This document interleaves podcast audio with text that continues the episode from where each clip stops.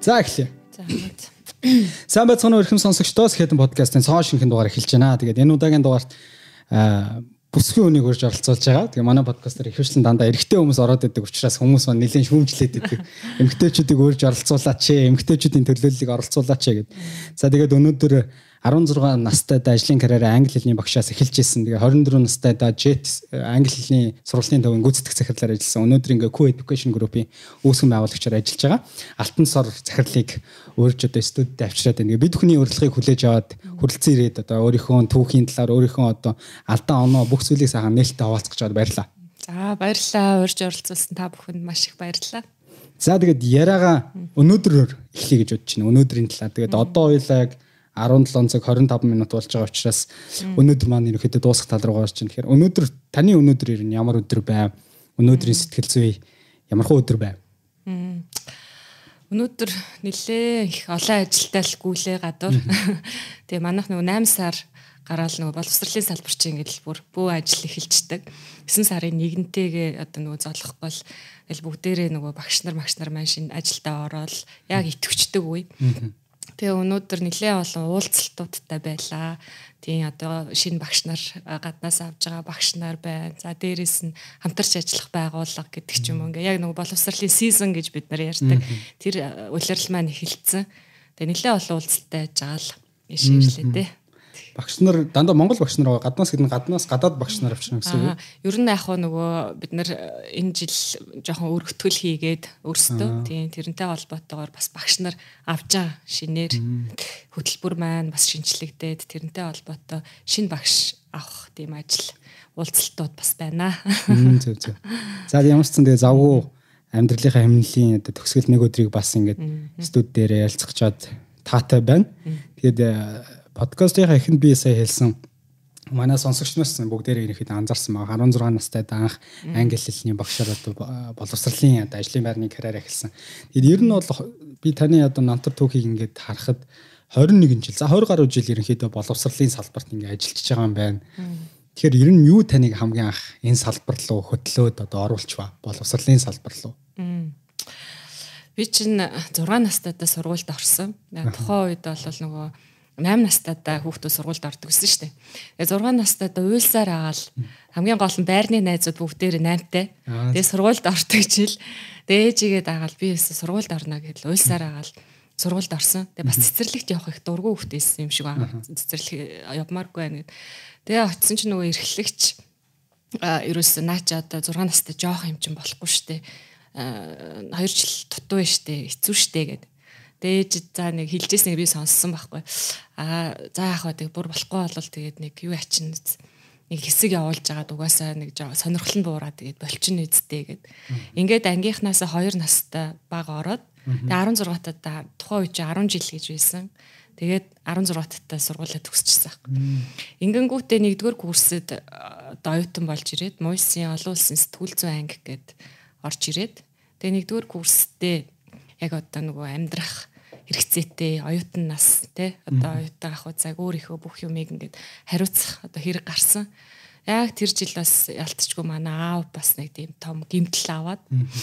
Тэгээ бид нар ялтчгүй нэг юм одоо сургалтын төлбөрөө төлөх тийм санхүүгийн үйлчлэлтэй байдалд ороод. Тэгээ миний хамгийн сайн хийж чаддаг зүйл нь англи хэл мэддэг байсан. 10 жилдээ ерөөсөө англи хэлний олимпиадад ордог байсан. Тэгээд тэр англи хэлийг сурсан юм ашиглал англи хэлний багш аавна гэдгээр анх англи хэлний багш хийж чаднаа гэд 16 настай нэгдүгээр курсын оюутан байхдаа цагийн багшийн ажилд орж исэн. Ингээл ерөөсөө нөгөө уг нь сэтгүүл зүйн ангийн хүүхд мөртлөө нөгөө англи хэл мэддэг. Аа тэгээд тэр англи хэлээ бусдад зааж бас болно гэдэг тэр шийдлэр сэтлэр анх боловсролын салбар руу орцсон. Тэгээ ерөөсөө нөгөө оюутан ах уу цагтаа яг хагас цагаар ажиллаад амралтын өдрүүдэд ажиллаад те ингэж явсаар агаал аа сургуулаа төгсөхдөө яг л нөгөө тухайн одоо ажиллаж исэн газараа бүтэн цагийн одоо ажиллаар ажиллахаар болоод тэгэл үргэлжлүүлээ тэндээ ороо явцсан байд. Ерөөсөө бүх юм маань ингээд нэг юм холбогдож явсаар агаал нөгөө баг насандаа бас англи хэлийг яг олимпиаданд орох гэж Улаанбаатарт нөгөө юу чин өдөөний хүүхэд Тэгэл евро Улаанбаатарыг үзэх сонирхолтой. Аль аймгаас та анх орж ирсэн? Увс аймаг. Тий, Увс аймгийн Улаангом хот гээд. Тэгээ тэнд амьдарч байгаа. Тэнд 10 жилээ төгсөөд хамгийн гол нь нөгөө жил болгоно ингээд англи хэлний олимпиад, орос хэлний олимпиад гэл ингээл математикийн ингээл олимпиад болдог штэ тий. Тэгээд хамгийн гол нь аймагтаа ингээд төрүүлээд ч юм уу байранд шалгарчих юм бол аймгаа төлөөлөөд улсад буюу Улаанбаатар төрж оролцдог гэсэн юм. Тэгээ тэр айгуу гоё. Тэгээ бидний хувьд ч бас тэр аймгаас ингээл хот руу очно гэдэг чинь тийм амар биш. Зам хаар одоо тийм энэ шиг одоогийнх шиг сайхан байгаагүй. Хэдэн өдөр мөдөр явна штэ. Тэгэл өстө онгоцны билет бас айгүй өндөр үнэтэй. Тэгэл аав ээжтэй бол Улаанбаатар явна гэвэл хүүхдүүд арга явна гэдэг бол мөрөөдөл ахгүй. Одоо бид нар нөгөө хүүхдүүд Америк явна гэдэг чинь бас мөрөөдөл байгаатай адилхан. Тэгээд тэрний боломж нь юу байсан гэхээр олимпиаданд ороод төрүүлэх юм уу байр эзлэх юм бол улсад ордог. Тэгээд тэр айгу гой боломж санагдаа. Тэгээд англи хэлийг тэр нь зорж сурж эхэлсэн. За би өөртөө улсын олимпиаданд орно. Тэгээд 7 дугаар ангита яг улсын олимпиаданд тэнцээд найзуудтайгаа төлөөлөөд ирээд оролцож исэн. Тэгэл ерөөсөө тэр шийдлээр англи хэлийг айгүй их эрчимтэй анх бол сурж эхэлж исэн. Тэгэхээр хүн нөгөө нэг зориг тавьчихаар тэрэндээ хүрэхийн тулд нөгөө суралцах, хийх, хөгжих юм байдаг штэ тий. Тэгэхээр яг тэгж аах сурч ирсэн. Тэгэл 16 настайдаа сургуулаа төгсөөл Улаанбаатарт орж ирээл. Тэгээ миний хамгийн их нөгөө хийсэн бэлтсэн зүйл маань англи хэл байсан учраас надад заагаад яг одоо боломж гаргаж өгсөн англи хэлний багш хийх. Тэгэхээр хамгийн анх 16 настай хүүхдийг одоо жишээ нь англи хэлний багшаар авч ажиллуулж ин тэр ажил олгогч нэг хүн байж шүү дээ тийм. Тэгэхээр тэр хүн маань одоо эргээд харахад таны за мэдээж англи хэл гэдэг таны ур чадрыг нэгдүгээр тарсан баг. 20 дугаар зүгээр хувийн талаас нь илүү 16 настай хүүхдийн тэр зан төлөв талаас нь таны ямар ур одоо зан төлөвийн байдлыг үнэлсэн болохоор таныг одоо итгэл хүлээлгэж одоо ажилд авсан гэж анхны ажил олгогч боддог бай. Аа зөв зөв. Ер нь одоо JET английн сургуулийн захирал үүсгэн байгуулагчийн зориг гэдэг хүн шүү дээ. Тэгээ би ер нь чин зориг агштай айгүйх талархаж явдаг. Ер нь багш гэж дууддаг. Яа тэгэхээр яг тухайн үед нөгөө ажлын ярилцлаганд ороод жахад надаас нэг шалгалт авсан. Тэгээд англи нэг шалгалт авчаад тэгээд надаас асуужсан байхгүй. Чи анхан шатан зааж чадах уу гэл. Чаднаа л гэл. Дундад зааж чадах уу? Чаднаа. Гүнзгий төвшин зааж чадах болов уу гэдэг. Өө тэгээ бэлдээд чадна штэ гэл. Тэгээ ерөөсөө ингээд дараа нөгөө хилдэг байхгүй. Чи аюу итгэлтэй байсан гэл. Чадна чаднаа л гэдсэн ерөөсөө тий. Тэр чиний итгэл тэр итгэлтэй байдал намайг ерөөсөө ажилд авах тэр шалтгаан болсон. Тэгээ аюу олон юм улаан дипломтой тий гадааддаа төгссөн зөндөл одоо багш нар ирдэг л байсан тухай үед а гэтэл өөртөө итгэх итгэл чинь намайг айгүй их тийм одоо энэ хөвч чадах юм байна гэдэг тийм мэдрэмж өгсөн гэд ярьдаг. Тэгээд бас яг тэр одоо ажиллаж явах хугацаанд бас яг тийм итгэлийг маань айгүй сайн хурцлж явж исэн. Тийм одоо анхны ажил олгогч өнөөдрийн бас үдээ зэрэгтэй ингээ явж байгаад маань маш их одоо дэмжлэг үзүүлсэн хүн байгаа. Тэгээ үнэхээр талархаж бас явдаг байгаа. Энэ ташрамд бас багштай баярлалаа гэж хэлмээр байна. Jet School чинь тухайд байгуулагдаад бас нэг удааг байсан баг тийм одоо таны 10 Тий одоо 2003 он штэ. Тэгээ Jet чинь 95 онд байгуулагдсан. Цөөхөн тий тэгтээ айгуу тийм цөөхөн цомхон одоо тухайн үед намайг ороход би баг 3 дахь ажилтнан болж орж исэн. Тэгээ чин зөрөө гүш өөрөө бүх одоо хичээлээ заадаг. Тэгэл хажуудаа нэг туслахтай, нэгтлэнтэй тий. Тэгээ миний хувьд болохоор ороод би тухайн үед чинь англи хэлний яг одоо анхан шатанд заажиллаа. Тэгээ Boro Gold гэдэг компани, BHP Billiton гэл нөгөө уул хурхан компаниуд тий уур хаачид тийм том том хүмүүс л одоо англи хэл заан тэгээд нөгөө 16 та хүүхч яах тий багш бас гэж харагдах хэвээр. Тэгэл хэвээр пижак өмсөл нүдний шил зүгэл одоо ингээл хичээлээ заадаг байсан. Тэгэл яг одоо тэр ажлын гараагаа ерөөсө багш гэдэг ажлын гараагаар их л залуудаа л хэлсэн дээ. Аа таны хувьд одоо ингээд манай залуучууд 10 жилийн хүмүүс нэлээд бас манай подкаст бас сонсож байгаа. Тэгээ манай дүүнер манаас харж байгаа 10 жилдээ бас нэг зүйлийг гартаа оруултал сайхан ингээд эзэмшсэн бол дараа нь тэр нь бас оюутан болоод өөрөө бас сургалтын төлбөр өөрөө одоо хот газар амьдралаа залгуулахад бас тэр ур чадвараа нэгсэнд зарж чадсан байж тээ. Тэгэхээр залуучууд маань гэсэндээ одоо бас 10 жилдээ байхдаа өөрийгөө голлох нэг зүйлийг бас бас тултал эзэмшээд авах юм бол ямар сайхан үр дүнтэй бас боломжуудыг өөртөө бий болгож чаддгүй гэдгийг алтан сор захирлын ерөнхийдөө түүхээс харж болохоор байна. За тэгээд 24 настайд 8хан жилийн дараа тий гүйцэтгэх захирлаа томилогдсон. Яг зүгээр 8 жил гэдэг хугацааг нь харах юм бол байж болж байгаа юм. Яа тэгэхээр нэг газар хүн чинь 8 жил тасралтгүй ажиллаж байгаад үнэлэгдээ захирал болно гэдэг бол зүгээр логикийн хувьд бол боломж юм. А гэхдээ зүгээр 24 нас гэдэг бол нэлээд залуу тоо тий гүйцэтгэх захирал гэдэг албан тушаал зүгээр практик талаасаа миний хувьд харж байгаа өнцгөөс бол нэлээд залуу байхдаа бол та удирдлагын багтаа бол дэвшиж орсон юм байлаа. Тэгээд тэр үед ямар сорилтууд тань тулгарч ирсэн 24 настай за яг өмнө нь бол бүх ажлаа мэддэг гэж болно тий. Гэхдээ нөгөө удирдлага гэдэг чинь маш олон баг хамтлагыг удирдна. Нэг гэр бүл гэсэн үг. Тэнгүүд өөрөөс ахмад насны хүмүүсийг удирдна. Тэгэхээр тэр удирдлага удирдлагын багт орсны дараа хамгийн анхны сорилт юу байсан бэ? Одоо таны толгой шууд ингээ асуунгууд орж ирж байгаа бодол. Аа яг гүйцэтгэх захирлаар томилогддог жил ерөөсөө тухайн одоо компанийг хоёр дахин потенциалыг нь томруулах үйл ажиллагаа хийжсэн. Нэг осондоо бид нар 200 хүүхэд одоо нэг удаадаа авдаг байсан бол бараг 500 гаруй хүүхдийг нэг удаадаа сургадаг тийм потенциалыг бий болгох тийм төслийг эхлүүлсэн. Тэгээ тэр нь яасан гэхээр мэдээж сургалт боловсрал гэхээр нөгөө анги танхимын хүртээмжийг нэмэгдүүлэх. Хоёрдугаар гэх юм бол хичээл заах багш нарыг бэлдэх. Одоо ажилд аваад бэлдээд те. А дээрэс нь бүх хөтөлбөрүүдийг одоо ном болгож хөтөлбөрөө бэлдэх. За тэгээ хүний нөөцөө бүрдүүлэх.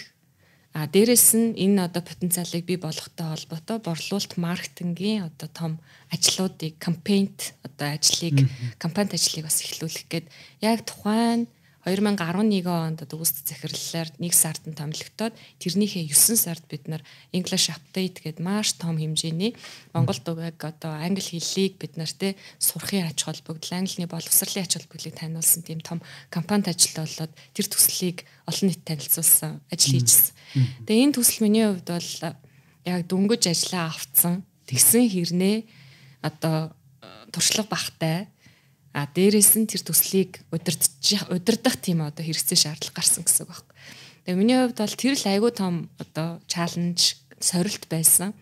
Тэгээд э, зэрэг зэрэг олон төслүүд явж исэн. Тэнд одоо багштай бэлдэх процесс, тэнд хөтөлбөр хэрэгж одоо боловсруулах процесс, тэнд ном одоо болгож паблиш хийх процесс, а тэнд нөгөө засварын ажил те анги танхимаа тогтчуулах ажил гэдэг ингээд хид хідэн төслүүдийг зэрэг удирдаад явж исэн. Тэгээ яг нөгөө цагтаа оруулах хэвээр гээл ингээл бүх юм нөгөө төслийн маань цаг тулцсан. Тэгээ гол нь ерөөсөө би одоо зүгээр тэгж боддیں۔ Тэр төслийг хийсний дараа надад одоо ямар ч төсөл тийм хэцүү санагдгаа болцсон юм шиг санагддаг байхгүй. Зүгээр миний хувьд яагаад тэгэхээр би тэр төслийн ард гарцсан. Тэгээ өглөө баг ингээл 6 7 хүртэл хамгийн сүүлчийнхээ нөгөө юмыг ингээл цэвэрлээл өөрөө нөгөө хүмүүстэйгээ ажилтнуудтайгаа цэвэрлээл дуусгаал тэгэл очиж хувцас солиол пижака юмс бол өглөө 8 цагт нээлттэй хийгээл ингээл явж исэн. Тэгээ тэрийг тэр тэргийг ингээ ботхоор зүгээр дараа дараагийн төслүүд дараа дараагийн олон одоо цэцэрлэг нээгтэй а салбарлуулах а дээрээс янз янзын одоо шин төслүүдийг хийхэд над юусоо тийм хэцүү санагтаа болцсон. Яа тэгэхээр тэр төсөл миний хувьд бол хамгийн анхны тэгээ хэцүү санагдсан тийм байсан юм шиг байна. Тэгээ тэрний тий тий. Тэгэл тэндээс ингээл ячингут нөгөө альва нэг зүйлийг ингээд нэг давчхаар дараагийн одоо даваанууд айгу тийм сэтгэл багтаж тийм багтаж эхэлдэг гэдэг. Тэгэхээр би бол тэрийг бол миний хувьд бас яг удирдлага хийсэн, төсөл удирдсан тий Аа тэгээ маш одоо олон шин зүйлийг нэвтрүүлсэн тийм төсөл байсан болов. Тэр тусмаа а яг залуу те одоо дээрэс нь дөнгөж одоо удирдлагын ажил авсан ийм нөхцөл байдал дээр байсан учраас би тэрийг давцсан учраас тэр баг ингээд нэг тийм их сургууль сурцсан юм шиг те айгүй олон юм ингээд маш богинохон хугацаанд одоо надад бүр ингээд алтаа оноотой мэдрүүлсэн юм шиг санагддаг. Тэгэхээр тэр л их том сорилт байсан да. Тэгээ мэдээж гэхдээ тэр үед одоо айгүй ингээд хамт болно те дээрэс нь одоо ингээд ингээл тэр үуч ингээ буугаад төгчмөр санагдах зүйлт айгүйх биш те. За болидо гэл тэгэл хоорондоо зөрчилд нь маргалт нь би чадахгүй байна гэл те. Яг тэр үед ингээд чи чадна штэ, болж штэ гэдэг тийм одоо урам зориг өгдөг хамт олон удирдлага дэргэд бас нөгөө зөвлөх гээд айгүй байсан. Тэд нарт бол үнэхээр их баярлалтай. Тим хүмүүсийн бас ийм дэмжлэг, итгэл найдвар өгчийжл хүн цаашаа ингээ урагшлтын билээ л дээ. Тэгэл нөгөө хань ижилтэй хажууд ингээл очиод орой болгоно нөгөө оройтч очино. Тэгээ хүүхдүүд тэр үе жоохон хүүхдүүдтэй 2011 он гэдэг чинь манай баг 2 настай нялх байсан. Том нь 4 настай байсан. Тэгэл хоёр жоох хүүхдтэй. Тэгэл орой өглөө үүрээр гараал орой баг 11 12 гэж гэртээ хараал те ингээл өдөр шөнөгүй хагсаан бүтэн сайнгүй хэдэн сар төслийнхээ ард гарах гал Тэгээ яг тэр үед нөгөө хайн ижил одоо тий чаднаа гэл яг надад туслаад явдаг ч юм уу бүр засвар масврынхаа ажилд нь оролцож дэмжиж өгөөл. За хажуугаар нөгөө зөвлөх маань нөгөө болж штэ. За яг ингээ яваарэ болж шүү сороо гэл. Тэл э, дээрэс нь удирдлага за болж шүү гэл. Ингээл нөгөө айгүй хамт олонны тийм хүчээр л хүн тэр бүхний ард гардыг юм билээ л дээ Тухайд бас тэгээ моментон ч гоё таарсан байна тий. Хаанаасаа ингээ боломж нь бүрдээд таныг дэмжих ихтгэл хүлээлгэх баг байна гэдэг чинь тэр цаг үед ицсэн та өөрөө бэлтгэгдсэн бэлэн байсан байж таарсан. Тийм. Гэхдээ яг хуу эмэгтэй хүний хувьд одоо жишээлбэл нэг эмэгтэйчүүдийн бас нэг тийм юу байдаг штэ. За би нэг болоогүй миний нас болоогүй. За би жоохон өөрөө жоохон сурж агаад болъё те мэдлэг эзэмший гэдэг ч юм уу нэг ийм хоошоо суух тийм тохиолдлууд нэмэгтэйчүүд айгүй их байдаг. А ийм зүйл дээр яг нөгөө пуш хийдэг те чи чаднаа чи л чадах юм байна угаасаа чамд тийм хүч байгаад байна. Чам тийм дайчин чанар байгаад байна. Чи нэг тийм төмөр шиг битээ юм аа энэ гэ.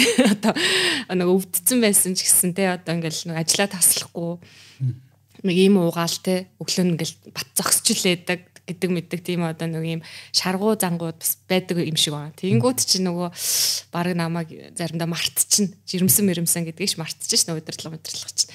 Тэгээд яг тэгж хэлчихсэн. Би арай чадахгүй хаа энэ төр гэдэг ингэнгүүт чинь үгүй чи чаднаа чамд нэг тийм шаргуу дайчин чанар байна нэг чи юу нэг төмөр биетэй юм шиг байна байна тэгэнгүүт чи нэрээ бас ингээл юу чаднаа гэдэг тэр итгэлийг хүн өгөнгүүт айгүй гоё мотивац болж өгдөг. Нэрээ хүн ингэж ихтгэл хүлээлгэж яхад чинь би ч гэсэн бас оролдоод үзье л та хийгээд үзье л та чадна штэ би гэдэг ч юм уу ийм одоо ихтгэл тэгэхээр нөгөө итгэлийг одоо нөгөө буцаж ингэж хурцлж идэг итгэл дээр итгэл нэмж идэг тийм хүмүүст бас их баярлаж талархаж явах хэрэгтэй юм шүү. Тэгээ хүн ер нь өөртөө итгэх итгэл гэдэг чи хамгийн одоо чухал тийм зан чанар алдаж болохгүй зүйл шүү дээ. Юмны суур шүү дээ тий.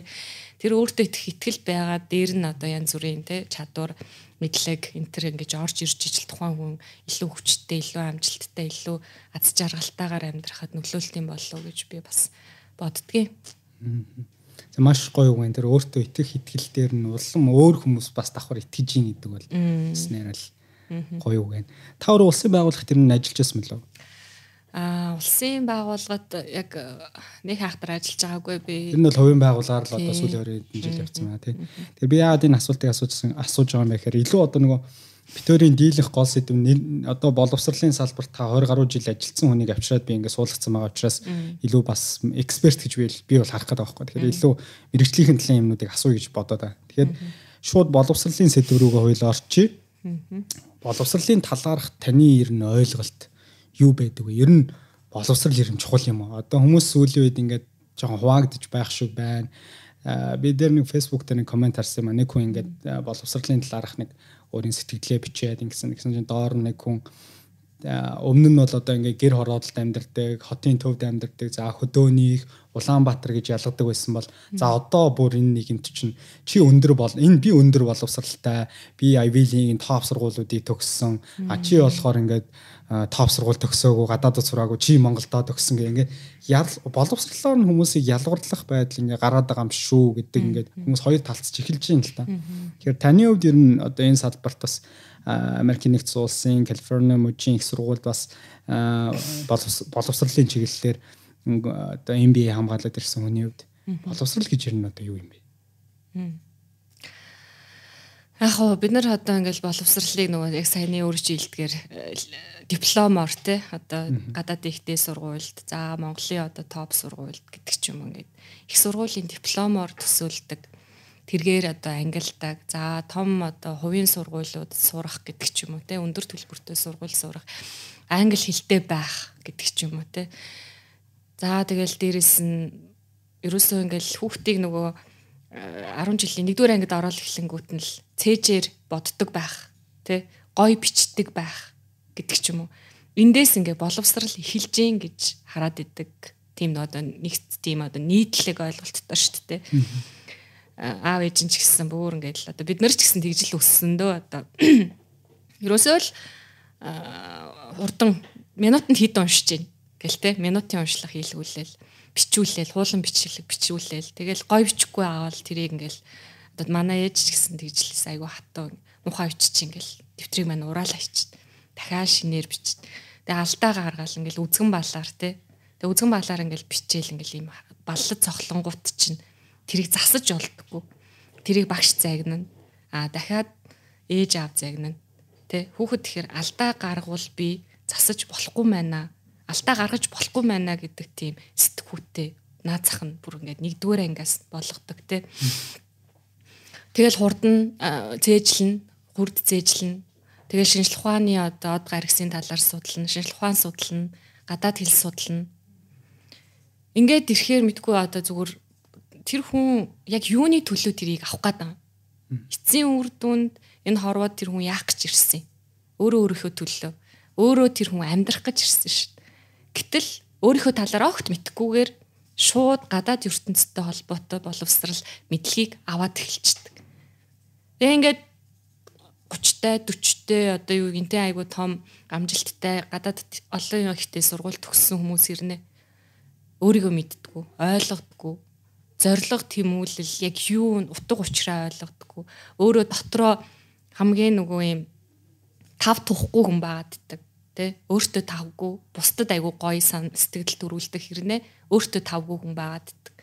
Тэгээ нөгөө нийгмийн хим химжээ боловсролын яг л одоо өнөөгийн боловсрал гэдгийг юу гэж ойлгодیں тэр ойлголтод таарах гэж тохирох гэж амьдрдаг баггүй.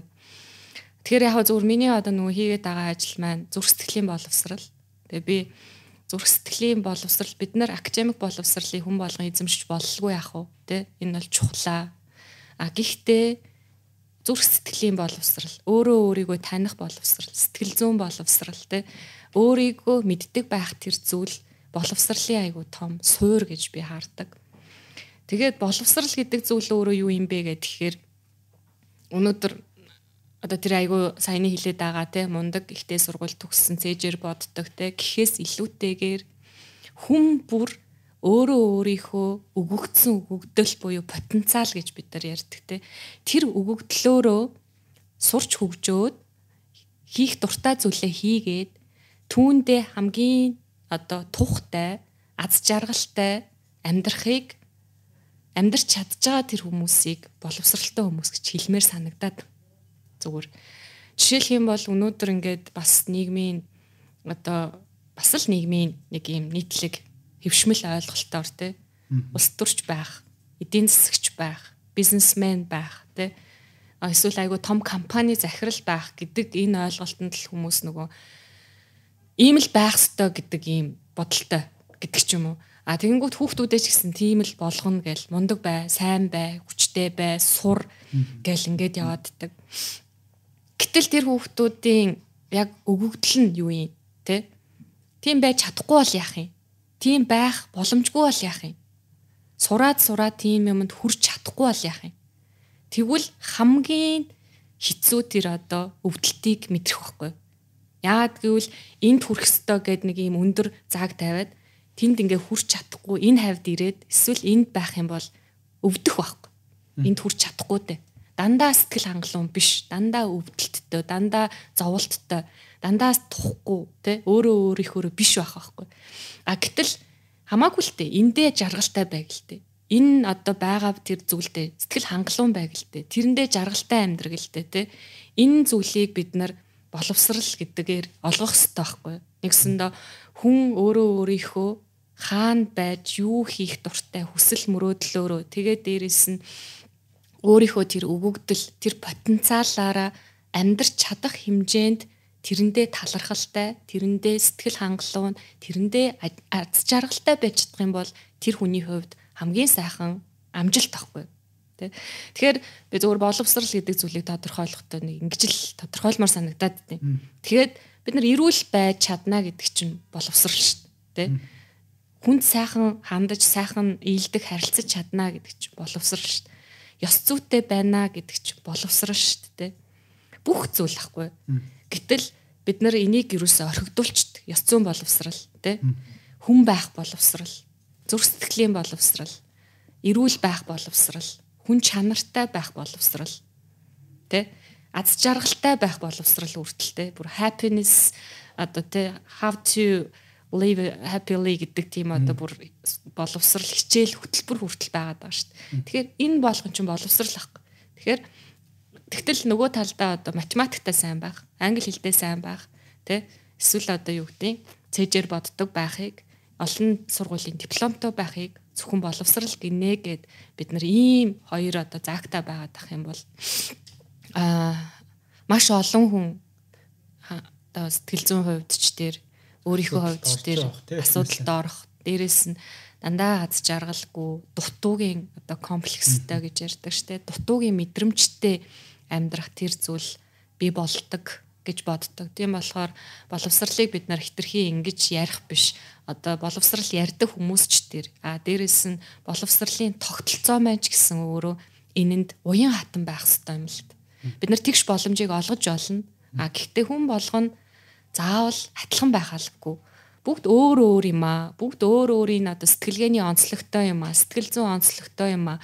Хүн болгонд амьдралын чанар өөр байхад тэрийг бид нар ойлгож хүлээн зөвшөөрч тэргээрээ амьдрахыг бид нар хүлээн зөвшөөрдөг тийм нэг юм майндсет сэтгхүүг боловсролын одоо энэ тогтолцоонд ч гэсэн оруулах хэрэгтэй байхгүй. Түүнээс биш бүгдээрээ л ийм байх хэрэгтэй. Бүгд ийм байна гэдэг бол өөрөө хитрхи одоо хайрцаглагдсан тийм одоо боломжгүй зүйл. Тэрнээсээ болоод буцаагаад бид нар маш олон хүн сэтгэл зүйн одоо тэр асуудал өвдөлтүүдийг өгөх тохиолдол бас байна шүү дээ. Ер нь бас тэнцвэрийг л хангах ёстой л асуудал юм аа тэгээд одоо жишээ нь академик боловсролыг бас эзэмших шаардлагатай юу гэвэл ялчгүй шаардлагатай тэгээд тань хэлж байгаагаар. За дээрэс нь яг л хүмүүсийн явж байгаа жишгээр тэр нийгмийн хүлээлтээр за манай аав ээж одоо намайг ингээд сүүлийн 4 5 жил одоо жилийн 2 20 сая 30 сая өндөр төлбөр төлөөд ингээд сурагчиж байгаа юм чинь. Би одоо тэр авилигийн топ сургууль руу орохгүй бол болохгүй шүү дээ тий. Чи ээж аавыгаа ачиг хариулах хэрэгтэй ч гэдэг юм да ингээд өртөө юм шиг байгаад ингээд тэгэнгүүт эсэргээрээ тэр хүүхэд хэдий тэр топ сургуультай тэнцээд овсон ч нэ эргээд өөрийнхөө төлөө биш аав ээжийн төлөө тэр сургуульд орсон бол хичнээн өндөр сургууль төлбөрийн төлөө сайн сураад ирж байгаач тэр хүн эргээд ажиргалтай амьдрах уу юу гэдэг нэг асуудал үүсчихэж байгаа. Тэгэхээр таны ялж байгаа шиг энэ хоёрыг тэнцвэрийг хангах хэрэгтэй л асуудал болчиход байгаа шиг. Тэгэхээр би эргүүлээд за та одоо гурван хүүхдээ ээж те. Гурван хүүхдээ ээж. Тэгэнгүүт хүүхдүүдтэйгээ ерөнхийдөө хэр сонсож харилцаж энэ завгүй амьдралын хэмнэлийн хажуугаар харьцаж байна. Магадгүй одоо таны том хүүхэд дунд хүүхэд яг таны хэлж байгаа шиг за ээж би нэг өдөр те. За ээж би заавал академик боловсрол эзэмших шаардлага юм уу? Заавал би яагаад э, дэлхийн топ сургуулиуд руу сурах снэж би ерөөсөл нэг би яг мэрэгжлийн дуртад яг тэгэхгүй бол нэг мэрэгчлүүдийг жоохон доош нээсэн болчих штэ ээж би ийм л хүн болмаар энэ л яг миний юм хүсээд байгаа зүйл юм шиг байна. Сүүлийн үед би ингээ ангийнхаа хүүхдүүдтэй ярьлаа, найзуудтай ярьлаа. Би энийг хийх юм бол амар гоё амьдрах гэдэг нэж. Тхийн тул заавал би энэ дэлхийн топ Америк явах шаардлага байхгүй юм байна. Монголдоо сурчхад болчих юм байна гэх нэг өдөр танд ингээд ярил та яаж хүлээж авах вэ? Энэ талаар энэ хүүхдүүдийнхээ одоо дуртай зүйлийг ер нь хэр та сонсдгоо хүүхдүүдийнхээ шийдвэр тэр ханддаг бай. Аа одоо яг манай том охин 17-тай мэрэгчл төгснө яг энэ асуудлаас манай гэрт яригдчих л байна.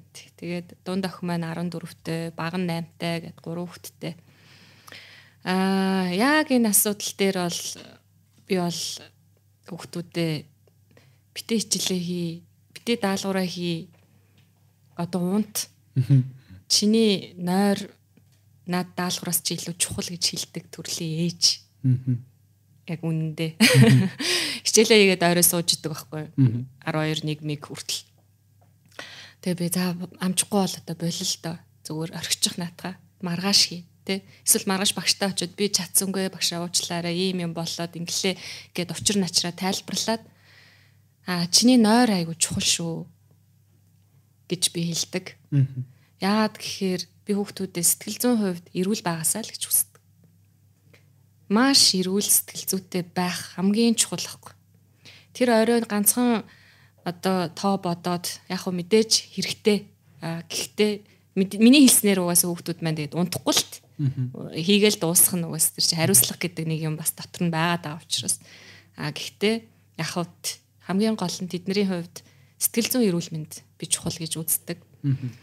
Аа яг саяны хэлдгээр чинь тэгээд ороод ирэхэд окей надад бол асуудал ахгүй. Яагаад тэгэхээр хүүхд би өөрөө яа юуны тулд би ер нь тэр хүүхдүүдийг төрүүлсэн тэ?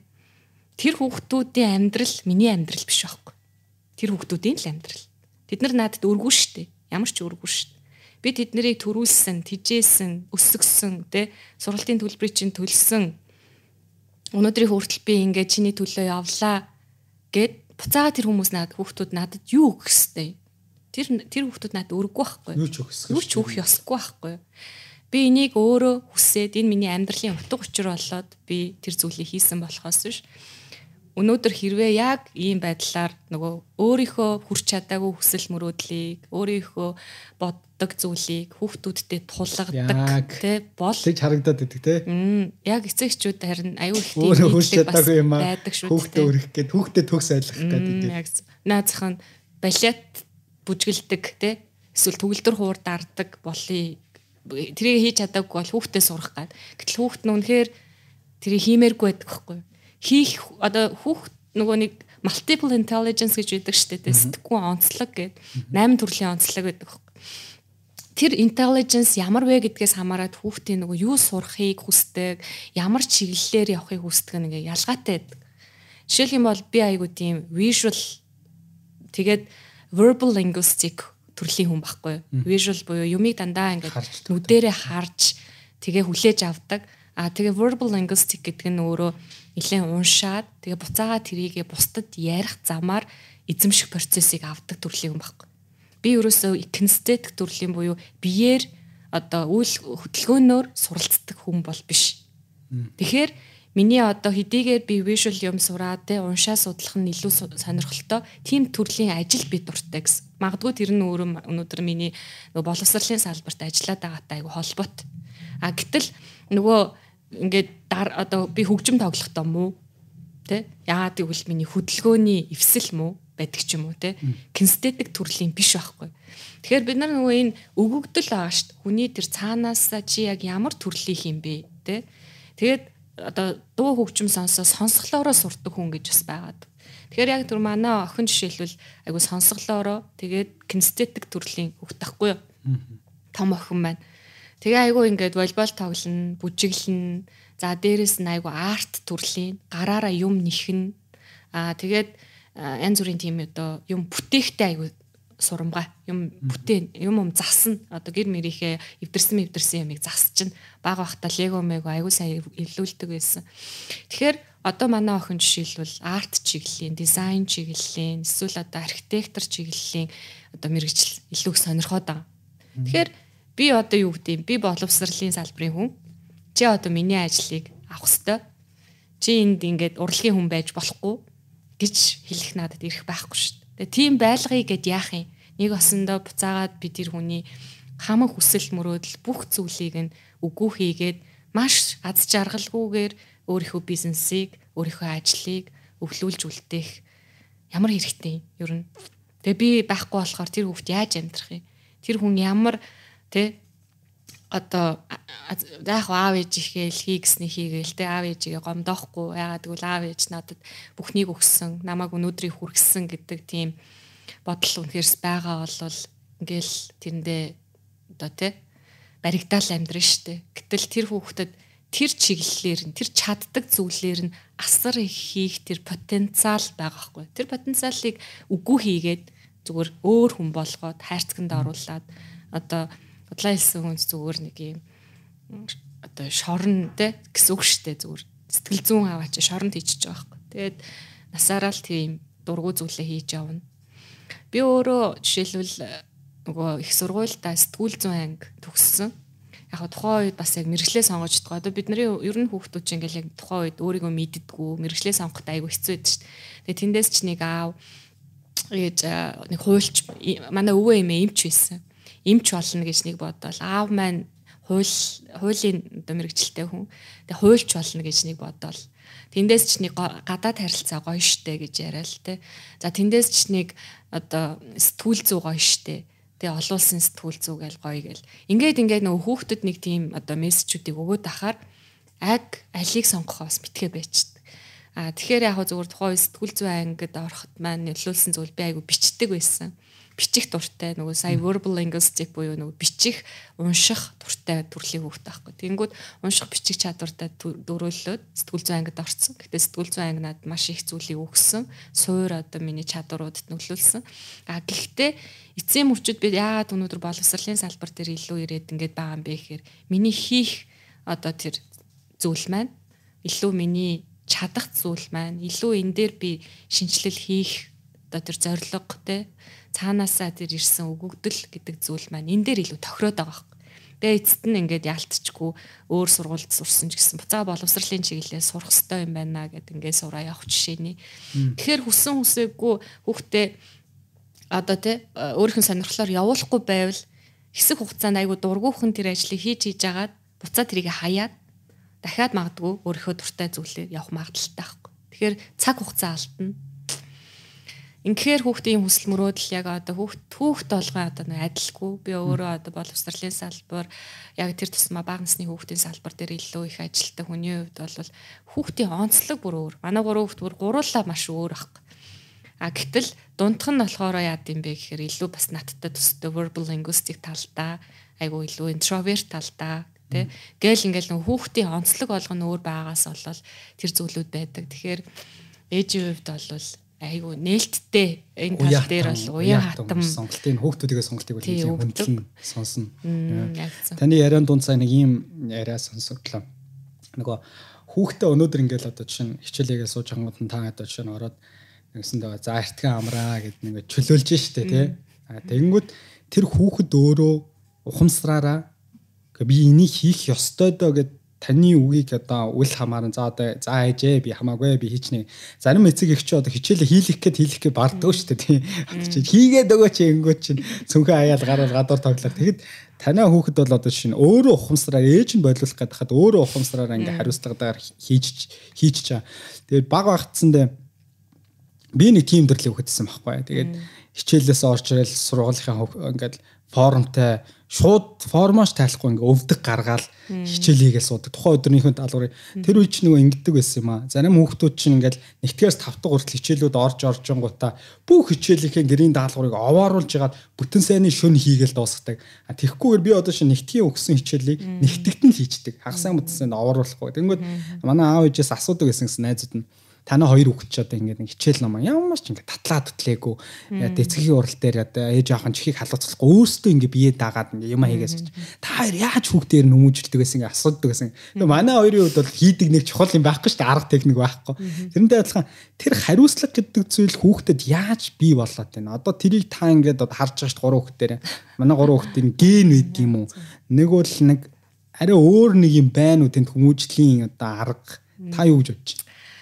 Аа, наа чи их гоё асуулт байна. Яагаад тэгэхээр энийг би бүр ингээд өөрөө олж харсан нэг юм байгаа да. Яагаад вэ гэхээр ерөөсөө би бас өөрөө тийм байхгүй. Шүнжин сууж хичээл юм хийдэг. Одоо өөрөө аа тийм төрлийн хүн. Аа тэгээд хүн ерөөсөө хүүхдээ ингээд бид нар тэг инг гэд зааж зааварлаад тэр тусмаа над шиг яг ээжтэй бол тийм цаг зав ерөөсөө олддоггүй. Нэг төрлийн би одоо тийм ажилтай завгүй муу ээж байхгүй одоо муу гэж нэрлээд байгаа тий. Тэгэхээр тэр муу байгаад ах чинь хүүхдүүд маань надтай надгүй ингээд яваад. Хичээлээ хийгээл одоо э, сургуульд аплай хийгээл тий. Би энэ сургуульд орно гэл. Би ор гэж хэлээг. Ерөөсөө чи орох шаар орохгүй ч байсан болно it's okay зүгээр гэдэг тийм төрлийн ээж. А гэтэл хүүхдүүд өөрсдөө ингэж яваад байна гэхээр тэр ерөөсөө л нөгөө эцэг их өөрөө хажууд нь ямар байна тэр зүгээр ингээд үлгэрлэл юм бэл. Тэгээд э, би нөгөө ингэж боддتي. Алин модноос хоол ундаггүй гэд нэг үг байдаг шүү дээ. Алин модноос хоол ундаггүй. Мод өөрөө ямар байна? эцэг их ямар байна? Хариуцлагатай байвал хүүхд хариуцлагатай л. Эцэг их өөрөө хажууд нь үнэхээр оройдоо суугаад ажил төрлөө хийдэг бол хүүхэд тэрийг хийн. Эцэг их хэлсэн амандаа хүрдэг бол хүүхэд хэлсэн амандаа хүрд. Аа багштай хийнэ гэд амлцсан л бол тэ хийн. Аа тэнд тууштай эцэг их байвал тууштай л юм. Эцэг их өөрөө ямар байна? Мууч байна уу, сайн ч байна уу? Хүүхэд тэрийг зүгээр л одоо далд ухамсарын төвшөнд те байнгын холбоотой бондын байгаа шүү бид нар чинь ингээд энийг ингээд өвлөөд авах гэхээс илүүтэйгээр хажуугаас нь ингээд хүмүүжил сураад хөгжөө явчихдаг. Тэгэхээр нөгөө гэр бүлийн хүмүүжил гэдэг нэг юм айгүй том зүйл шүү дээ. Одоо боловсрал гэж ярих юм бол бид нар хамгийн түрүүнд гэр бүлийн хүмүүжил гэдэг зүйл суурийг л анх ярих хэрэгтэй юм л. Тэгэхээр тэр гэр бүлийн хүмүүжил чинь бид нар хідэн одоо өдрийн одоо 24 цагийнх нь бас тий 50 60% нь хүүхдүүдтэйгээ үлгэрлэл байж байгаа байхгүй. Тэгэхээр энэ зүйлийг л хүүхдүүд хардсан байлээ л дээ. Тэгээ би нөгөө өөрөө яг цаг гаргаж чадахгүй байгаа заримдаа нөгөө гимшин айгүй их одоо ажилтаа өглөө гараад орой орж ирэл. Тэгээ ямар сайндаа намайг чинь тэгдэж штэ нөгөө хүүхдтэй айгүй их ажилтдаг тий хүүхдийн салбарт ажилтдаг. Өө хүүхдүүдтэйгээ их өөрөө ажилтдаг бах та гэдэг. Тэг яг үнэ хэрэг дээрээ нөгөө засчны морь усгүй гэдэг шиг өөрөө Үнэхээр тийм цаг зав бас байдаггүй. А гэхдээ тэр болгонда за гимшээл за яана би те хүүхдүүдэд цаг гаргаж чадахгүй байна да юм зааж өгч чадахгүй байна да олон түмний хүүхд энтер гэж явлаа гэсэн хэрнээ өөрөө хүүхдүүдтэйгээ тэг чадахгүй байна да гэж бодцоод л очиж хүүхдүүдтэйгээ ингээл ярилцаал харилцаал анзаархад хүүхдүүд маань аль хэдийн тэр зүйлийг ойлгоцсон мэдэрсэн хийцэн хийх хүсэл эрмэлзэлтэй тууштай хариуцлагатай байдлыг өөртөө суулгацсан тий магадгүй одоо бүр амар гоё юм зурстгэлийн боловсрал гэж яриад байгаа хэрнээ. Хүүхдүүдтэй олигтойхон шиг энэ талынхаа юмнуудыг заагаад өгнө гэж ингээл ботхоор аль хэдийн айгүй хөөрхөн эмпати болцсон тий бустай харилцаж байгаа харилцаа би биентэйгээ харилцаж байгаа харилцаа тий тэр эмпати үзүүлж байгаа байдал бусдын хооронд өөрийгөө тавьж үзэж байгаа байдал гэдэг ингээд ирэнгүүт чинь би бүр тайвширч байгаа юм чинь. За ямар ч ийсэн тий болдгол юм байна. Тий алим модноос хоол ундгүй юм байна. Ямар ч ийсэн нэг би буруу яваагүй юм байна. Зөвүүл үлгэрлэж байгаа. Нэг ямар ч ийсэн тий ямар ч ийсэн нэг хазаачаагүй юм байна. Тий хүүхдүүд маань бас болж шүү. Ийм байхт хангалттай шүү гэд ингээд өөртөө айгүй гоё юм тайвшрал өгдөг. Тэгэл ямар ч ийсэн ээж хүний хувьд бол хүмүүжлийн хувьд бол өөрсдөө бид нар эцэг эхчүүд үлгэрлэх ямар гоё сургалт ямар гоё өндөр төлбөртэй одоо дэ сургуульд явуулаад а ямар их хөтөлбөрөөр нүдээд ямар их үглээд ингэх ёстой шүү чи тэгэрээ ингээрээ гэд ингээд байнгын одоо тэ зарчим яриад тэглээгээд явахгүй. Хамгийн гол нь нөгөө нэг дотор нь байгаа тэнд нэг юм пашн байгаа шүү дээ хүсэл эрмэлзэл. Тэгээ өөртөө итгэх итгэл. Тэгээд манай ээж яг ингэдэг байсан. Би чамд итгэдэг одоо яг л э, тэр явдаг юм байл л дээ тэгээ манай ээж ээж нөхөндөө итгэдгээ чи угаасаа чадна чи угаасаа хийж чадна чи угаасаа энэ болгоныг болгож чадна миний охин сайн явнаа гэдэл одоо үгээрээ өрөөгөөд те чадна гэд. Тэгээд ээж нь охиндоо итгэж байгаа. Чи гэрийн даалгавар угаасаа л хийж байгаа. Миний охин угаасаа онц сурноо гэл. Тэнгүүч нөгөө хүн яадаг вэ гэхээр тэр итгэлийг нөгөө алдахгүй юмсан. Ээж минь надад итгэж байгаа учраас би тэр итгэлийг алдахгүй юмсан гэдэг тийм юм авдаг байхгүй. Тэгээ би ерөөсөө ээжийнхээ итгэлийг алдахгүй юмсан гэж бодоод ээж надад намайг гэрийн даалгавраа хийцэн гэж итгэж яхад те би хийхгүй байж болохгүй шүү дээ. Тэгэхээр би хийн. Яг тэрнтэй адилхан би одоо хүүхдүүдтэйг амар ихтгэл өгдөг байхгүй. Ээж нь миний охин угс тэнцнэ, тэнцэн. Тэнцэн шүү дээ. Туртаа сургуультай тэнцэн. Оноогоо авч чадсан шүү дээ. Одоо IELTS SAT сайтын шалгалтын оноо авчин авчин дайггүй гайг бах уу гэл. Тэнгүүт чинь тэмээ би ээж чадна. Би бүр одоо чадна штэ гэл нөгөө хүүхчин бүр ингээд.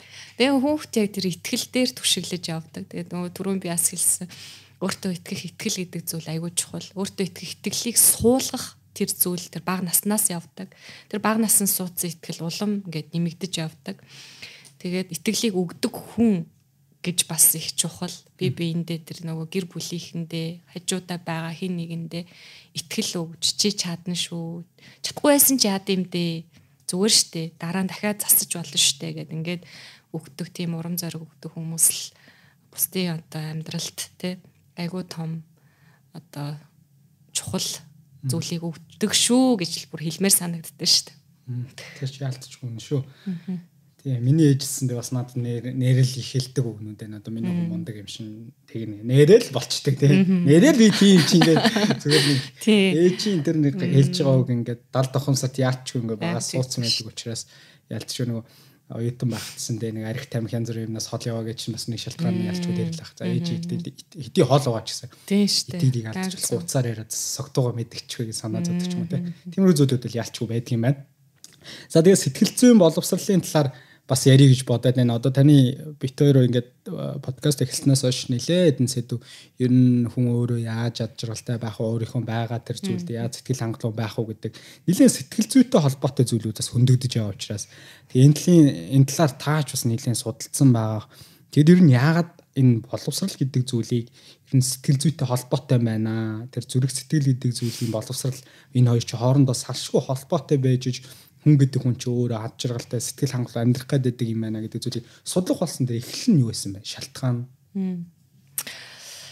Аа, ерөөсөө л нөгөө ээж хүн ээж болоод миний би чинь 2006 онд ээж болсон.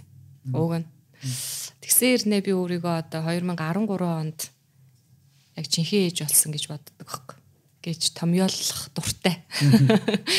Яагаад гэсэн гэхээр бүтэн 7 жилийн дараа хоёр охин төрүүлснийхээ дараа би ээж юм биш гэх гинт орж ирсэн байхгүй. Тэр нь юу юм бэ гэхээр би хүүхдүүд сэтгэл зүйн хэрэгцээг мэдэрч эхэлсэн. Үеэс л би өөрийгөө би ээж юм биш гэж боддог болсон. Яагаад тэгэхээр урд нь ингээд жоохон ч байж, залууч байж хүүхдүүдэд төрүүлээл ерөөсөө Тэгэл биологийн болоод физиологийн хэрэгцээг нь хангадаг. Өсөхгүй, ундаасахгүй, хувцлаад, хооллол тэ сайхан дулаахан гэрт байлгаал сургууль цэцэрлэгт явуулаад аа эн чинь өөрөө тэгээд яг одоо тэр биологийн хэрэгцээ, физиологийн хэрэгцээг нь л бид нар хангаад байгаа. Гэтэл бид нар яг нөгөө гэр бүлээрээ яг Америкт нөгөө суралцах болоод би гэр бүлээрээ хүүхдүүдтэй нөхөртөөгөө Америк явсан. Тэгээ яваад тэнд хүүхдүүдээ сургууль цэцэрлэгт оруулаад тэгээд ингээд Монголоо Монгол бид нар чинь ингээд бүх юм л одоо их орондоо байгаа чи их сайхан юм биш үү? Нэг бодлын одоо бүх юм л байна. Аав ээж байна. Тулах түших найз нөхд байна. Хамаатан садан байна, тэ болохгүй бол нэг хүнээс тусламж хүсэж чинь хүүхдийг аваад өгөөч. Манай хүүхдийг өнөөдөр сургуулиас нь аваад өгөрөө, цэцэрлэгээс нь аваад өгөрөө гэл те. Эсвэл орой хараад өгөөч, тийм юмтай, ийм юмтай гэл ингээл. Тэгсэн чинь тэнд яасан гэсэн чи очисон чи ерөөс хинч байхгүй. Таньдаг хүн байхгүй. Ямар ч одоо бид нар тусламж байхгүй. Ээж бол яг л ээжийнхээ үүргийг бүрэн хийхгүй бол болохгүй. Сургууль дээр нь очин аавн тэ зөөн За тэгээ ярилцсан. Дээрэс нь хүүхдүүд гадаад хэл сурж байгаа учраас нөгөө байнгын яаж нээж ийн гэдэг ингээд нөгөө ярилцах хэрэгцээ гарна. Тэгээ Америкийн боловсролын систем бас хамгийн гол нь хүүхдүүдийг, эцэг эхчүүдийг тий боловсралд оролцогч талуудыг маш сайн гэж оролцуулж өгчиж боловсралыг одоо хөгжүүлдэг. Боловсрал гэдгийг зүгээр нэг багшаас шалтгаалсан ч юм уу эсвэл сургуулиас шалтгаалсан гэж бас хардаггүй. Бас ийм онцлог бас байсан. Энэ нь өөрөө ингээд буцаагаад яг багш гэдэг хүний тэр одоо тэр хандж байгаа хандлага тий тэр сургуулийн захирлын хандж байгаа хандлага үнэхээр юм бодогдуулмаар юм бэл. Одоо би ээж нь штэ.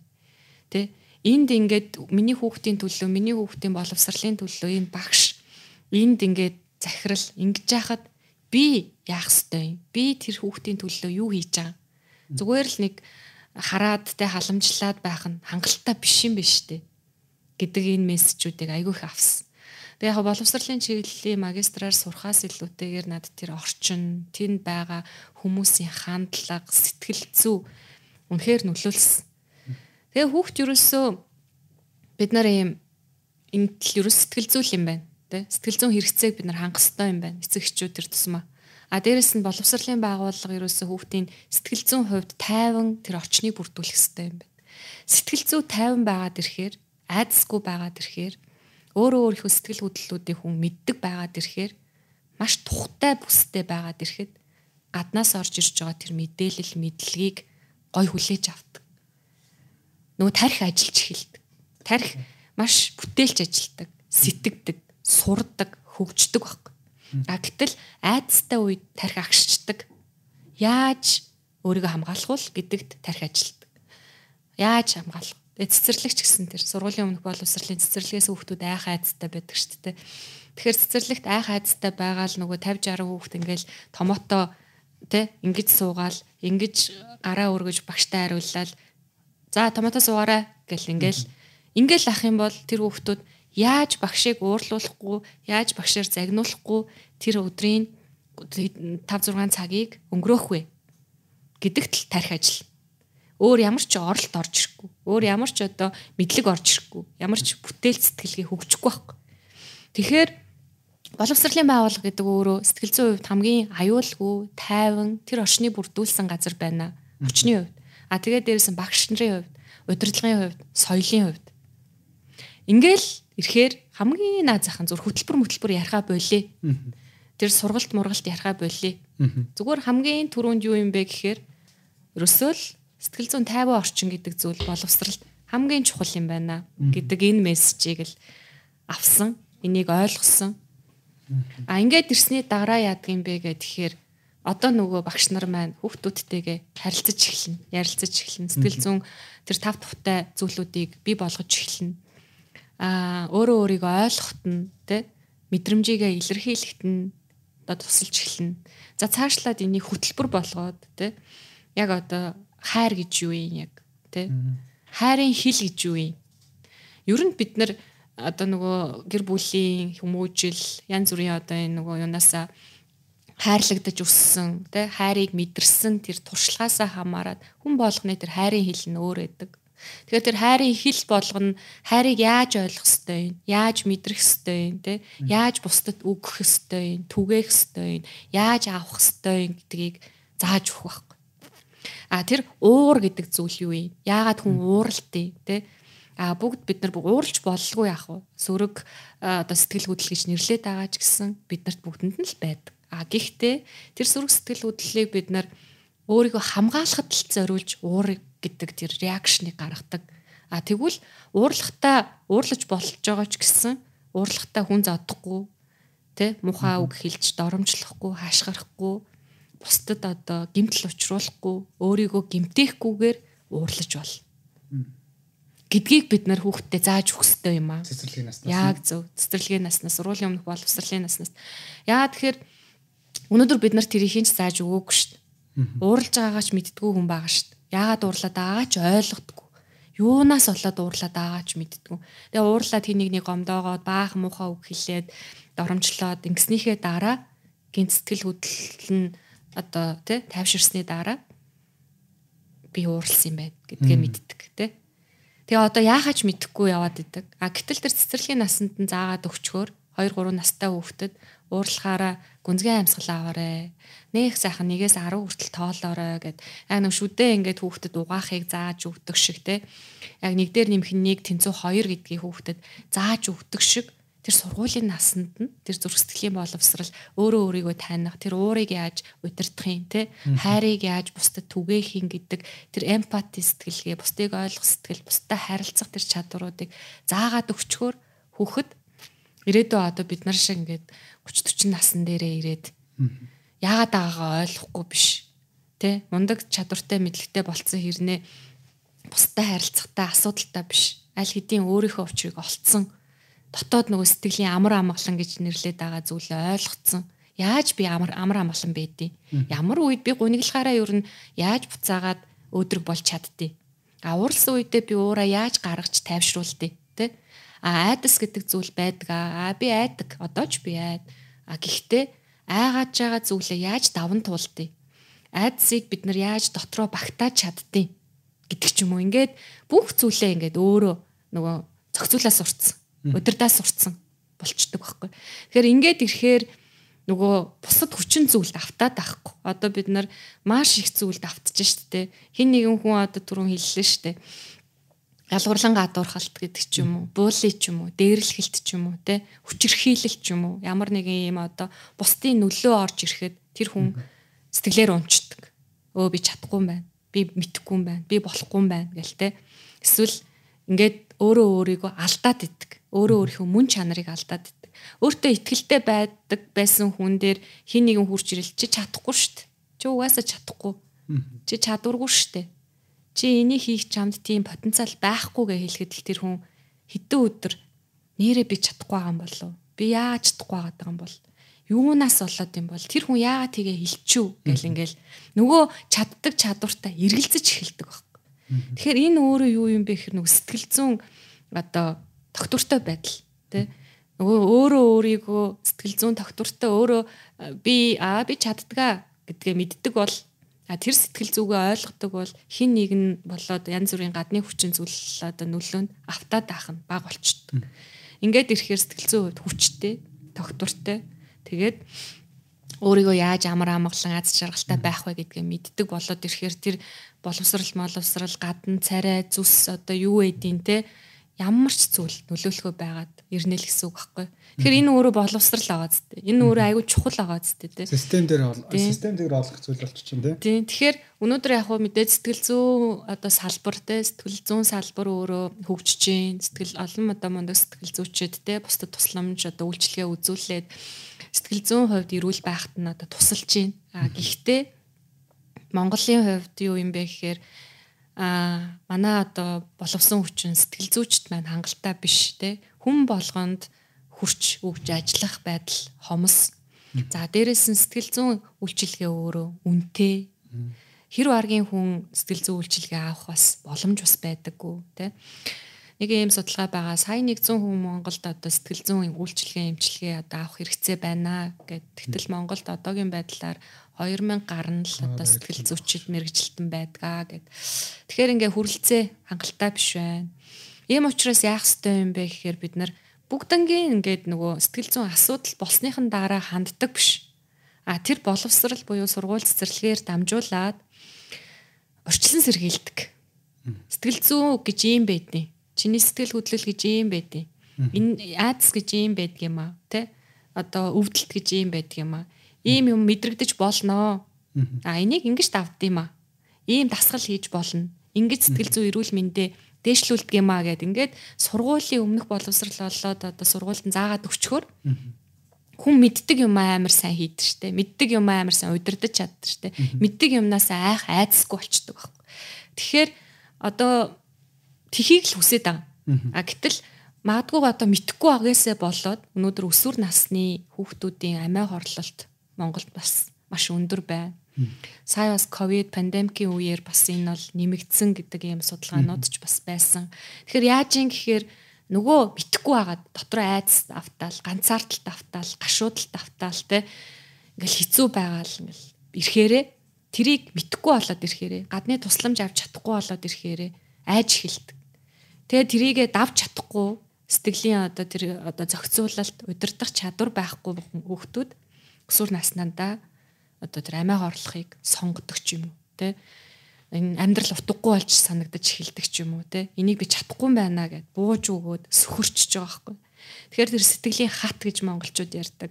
Сэтгэлийн хаттай те одоо унсанч босоод явдаг одоо өвдөгнийхөө шороо гөвөөд явдаг гэл ингээд босдог энэ төр гэж ярьдаг те. Тэгээ нэг бодлын яг би тэгж хэлмээр санагддаг. Сэтгэл хөдлөлийн оюун ухаан зүрх сэтгэлийн боловсролыг олгосноор бид нар тэр сэтгэлийн хаттай а унсан ч босоод ирдэг тэ уйлсан ч маргааш нь тэ босоод дахиад хэвэн амьдралтаа ороод явдаг а тэр асуудал бэрхшээлүүдийг даван туулах чадвартай л хүмүүсийг л бэлтгэх юм аа гэж л хэлээд байгаа. Тэгэхээр энэ нөгөө гадна талын тэр боловсрлоос хамт дагаад энэ баланстай байх хэрэгтэй байхгүй. Тэнцвэртэйгээр энэ боловсрал академик боловсрал яваад давхар зүрх сэтгэлийн боловсрал өгжээч энэ өөрөө айгүй баланстай амьдралын хэв маяг руу орох юм а. Гэтэл бид нар энийг хаягдуулчаад тэ сэтгэл зүйн боловсрлаа хаягдуулчаад энд аваачаал баахан мундаг математик инээ дээрээ бизнес бизнес гэдэг ингээд зөндөө юм сурчаад тэгэл ингээл юугаа юунд хүрэх гээд байгааг нь мэддэхгүй л ажиллаал ажиллаал те мөнгө олоол ажиллаал ингээ яваад идэх те Тэгээ өөрөө өвдөөд идэг те. Тэгээ энд амрах өөртөө амарч амралт олгож чаддгүй. Тэрийг даван туулах тэр одоо зүйлүүдээ хийж чаддаггүй. Өөрийгөө хайрладаггүй те. Ийм хүмүүсийг л болгоод байна л та. Тэгээд энэ яг зүгээр Монгол гэлтггүй одоо эн чинь өөрөө дэлхийд дахин бас том асуудал байгаа. Тэгэхээр бид нар энийг одоо олж харж боловсролын системдээ оруулж те боловсролын тэр реформ гэдэг зүйлтэй энэ зүйлийг хийхээс өөр аргагүй ийм цаг үе ирчээд байна. Энийг одоо маш олон хүмүүс бас мэдэрч байгаа хаа л гэж боддог. Тэгээ тийм учраас энэ чиглэлээр ажиллаад юмнуудаа төслүүдээ хийгээд хөтөлбөрүүдэд боловсруулад цэцэрлэгийг ч гэсэн бас яг ийм зорилготой л нээжсэн. Одоо нэгсэндөө сая миний хэлээд байгаа тэр зүйлийг яг тэр цэцэрлэгээр дамжуулаад өгж болдгийн шүү гэдгийг харуулах зорилготойгоор цэцэрлэгээ нээсэн. Тэгээд амжилттай одоо ингээд бас 5 жил болж байгаа тийм. Одоо 7 дахь жил рүүгээ орж Тэгээ яг таны сайн ярьсан зүйлүүд төр би яг нэг зүйлийг ингээд асуух гал байж даад л. Тэгээд нэг тодруулах зүйл байгаад байгаа. Одоо яг таны ярьсны сая саяны зүйлтэй асуусан зүйлээр. За Монгол та хэд яг ингээ хэрэгжүүлж байгаа зүрх сэтгэлийн боловсролын зүйл ингээ за олон улсын стандартад нийцсэн энэ хөтөлбөр байгаа та тийм. За Монгол өөрөө соёлын бас нэг онцлогтой болсон байгаа та тийм. Одоо жишээ нь бид эдийг одоо аав ээж өсөхтэй гэдэг илүү одоо нөгөө яг л таны төрөж хэлсэн шиг жоохон сахилга бат те багш нар цэцэрлэгт одоо би ингээл эргээ санахад бүдэг бадаг санахад багш хаалгаар орж ирэхдээ бүгд нам болдог. Өдрийн цагаар бүгд заавал унтдаг. Тэгэл багш хараал явал нэг унтаж өсөх хүмүүс бүгд ингээд босоод энэ тэр өөр өмүүлэл явдаг. Тэгэл одоо зарим эцэг эхчүүд ч гэсэн тэр тийм бодол байдаг байхад жишээ нь хүүхдэд жоох алганы амт үзүүлж зүгээр гэдэг тий. Тэр чин цаана бас нэг хүчрхийлэл яригдаад байгаа юм шиг. Гэхдээ аав ээжтэй зодоос өхөд мууддаг уу маа гэж ярьдаг.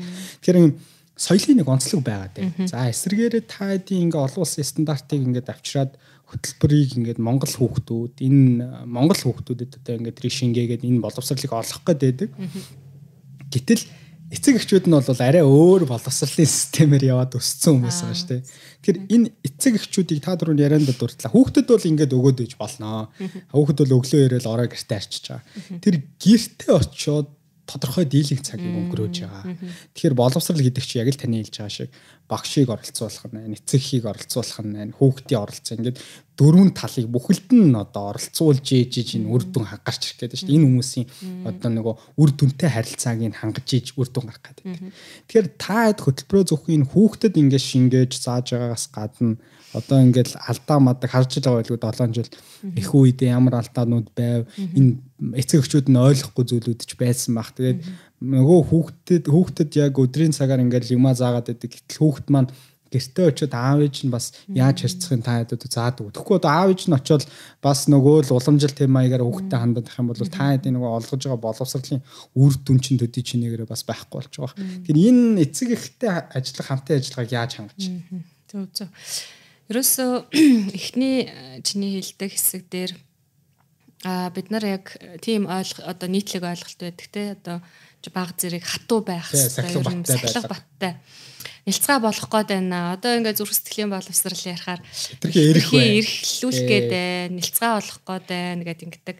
Яг уу мэдээж одоо юу гэдгийг энэ бол ингээд нийгмийн асар их юм ялгаа ахгүй юу. Бид нар бас энэ эцэг эхчүүд бид нар тэр тусмаа яг энэ нийгмийн ялгаануудаа айгуу сайн ойлгох хэрэгтэй, анзаарах хэрэгтэй. Би ингэж өсөөд муудсан юм алгаа. Аа яг тэ муудсан байхгүй юу? Муудсан байгаа штэ хангалттай одоо асуудалтай манай нэг юм харуулж шүү байна тий. Харуулж байгаа шүү дээ тий. Тэгэхээр гэхдээ тэр үед бас харьцангуй гайгүй байсан. Яагаад вэ гэхээр нийгмийн стресс бага байсан. Нийгмийн стресс бага байсан, хүн ам бага байсан тий. А одоогийнх шиг одоо энэ мэдээллийн урсгал бага байсан. Тэ жишээлбэл одоо үздэг телевиз гэхэд ганц одоо тий сууг гэдэг ч юм уу ганц сууг гэдэг ч юм уу тий энэ одоо интернет орчин байхгүй байсан. Энэ олгонд яадаг вэ гэхээр стрессийн хэмжээ бага байдаг. Хүний нөгөө мэдээлэл авах байгаа байдал чинь бага болоод ирэхээр бага байдаг. За дээрэс нь орчин нөхцөлийн хувьд тэ яг одоо нөгөө социализмын нийгэм шүү дээ одоо тэр нийгэм бас л бид тэр үед бүх юм одоо ингээд нэг юм нэг л юм зарчмаа зарчмаар явдаг тий. А гэтэл өнөөдрийн нийгэм чинь шал өөр ардчилсан нийгэм. За дээрэс нь олон улсын маш юм хэлхээ холбоо тий хамтын ажиллагаануудтай. За хүүхэд зүгээр интернет, YouTube ороод, Google ороод дуртай мэдээлэл авж гин. Тэнд Америкт байгаа одоо 15 настай тий одоо Том гэдэг хүүгийн амьдралыг тэнд харчаад энд тэр хүүхэд тэр харж болж байгаа тэр амьдрал биш үү? Гэтэл энд ээж аваараа зодуулаад чанга гараар өснө гэдэг бол хэцүү байхгүй тэр хүүхдийн сэтгэл зүйд. А тэр зүйлийг харуулдаггүй байсан бол одоо маадгүй нөгөө хойд солонгос шиг ингээд бүх юм нь таглаатай байсан бол хамаа алга тий? Аа ийм л ингэж л өсгөн. Ингэж л байна. Чи миний хэлсэн үгээр л амьдрна. Энэ бол болж байна. Ягаад гэвэл тэр хүүхдэд харьцуулах зүйл байхгүй. А гэтэл тэнд Америкт байгаа, Солонгост байгаа, Европт байгаа тий тэр олон мэдээллийн урсгал тэр олон амьдралын хэв маягуудыг тэр хүүхд харсаар ижиж энд ээж аваараа загнуулаад зодуулаад байх юм бол энэ өөрөө сэтгэл зүйн гэмтлийг үүсгэж байгаа байхгүй. Нэг осондоо тэр одоо ийм л байдаг гэдэг зүйл чинь хөвшмөл байсан байхгүй. Өөр өөр тийм сонголтгүй байсан байхгүй. Тэ? Гэтэл одоо сонголттой болчиход шин. Ирэх чөлөөтэй байх сонголт байж болж байна тий өөрөө би ингэж амьдрмааргүй байна. Та бити ингэж байгаа ч гэж хэлэх эрхчлөө тэр хүүхдэд байш. Энэ өөрөө тэр хүүхдийг одоо хүчирхийлэл гэдэг зүйлд өртөөд байгаа тэр мэдрэмжийг өгдөг. Тэгээ буцаад ирэхээр тэр хүүхдийг хүчирхийлэлд өртөж чинь аав ээж намайг ингэх ирэхгүй гэд. Тэгээ эн чинь өөрөө буцаагаад сэтгэл зүйн гимтэл болж үсээд нөгөө хайр гэдэг ойлголтыг ойлгох ойлголт нэг өөр газар хайрлаж байгааг хараад шít мэдрээд шít А гэтэл энд хайрлахгүй шүү дээ. Ингээд ирэхээр нөгөө хүүхэд чинь болохгүй шүү дээ. Тэгэхээр энд бид нэр одоо нийгэм өөрчлөгдсөн гэдгийг эхлээ хүлээн зөвшөөрөх хэрэгтэй. Тэ? Бидний амьдарч исэн нийгэм өөрчлөгдсөн. Хүүхдүүдийн маань нийгэм өөр юм аа. Тэ? Сэтгэлгэн ч өөр юм аа. Тэгээ ингээд мэдрээд ирэх цагт ядаж тэр хүүхдүүдэд ойлгохыг хичээ. Би зүгээр эцэг эхчүүд хэлдэг ганц үг гэдэг. Нэ хийх зөвлөгөө өгмөргүй байдаг. Зүгээр ажигл гэдэг ажигл хүүхдээ хар.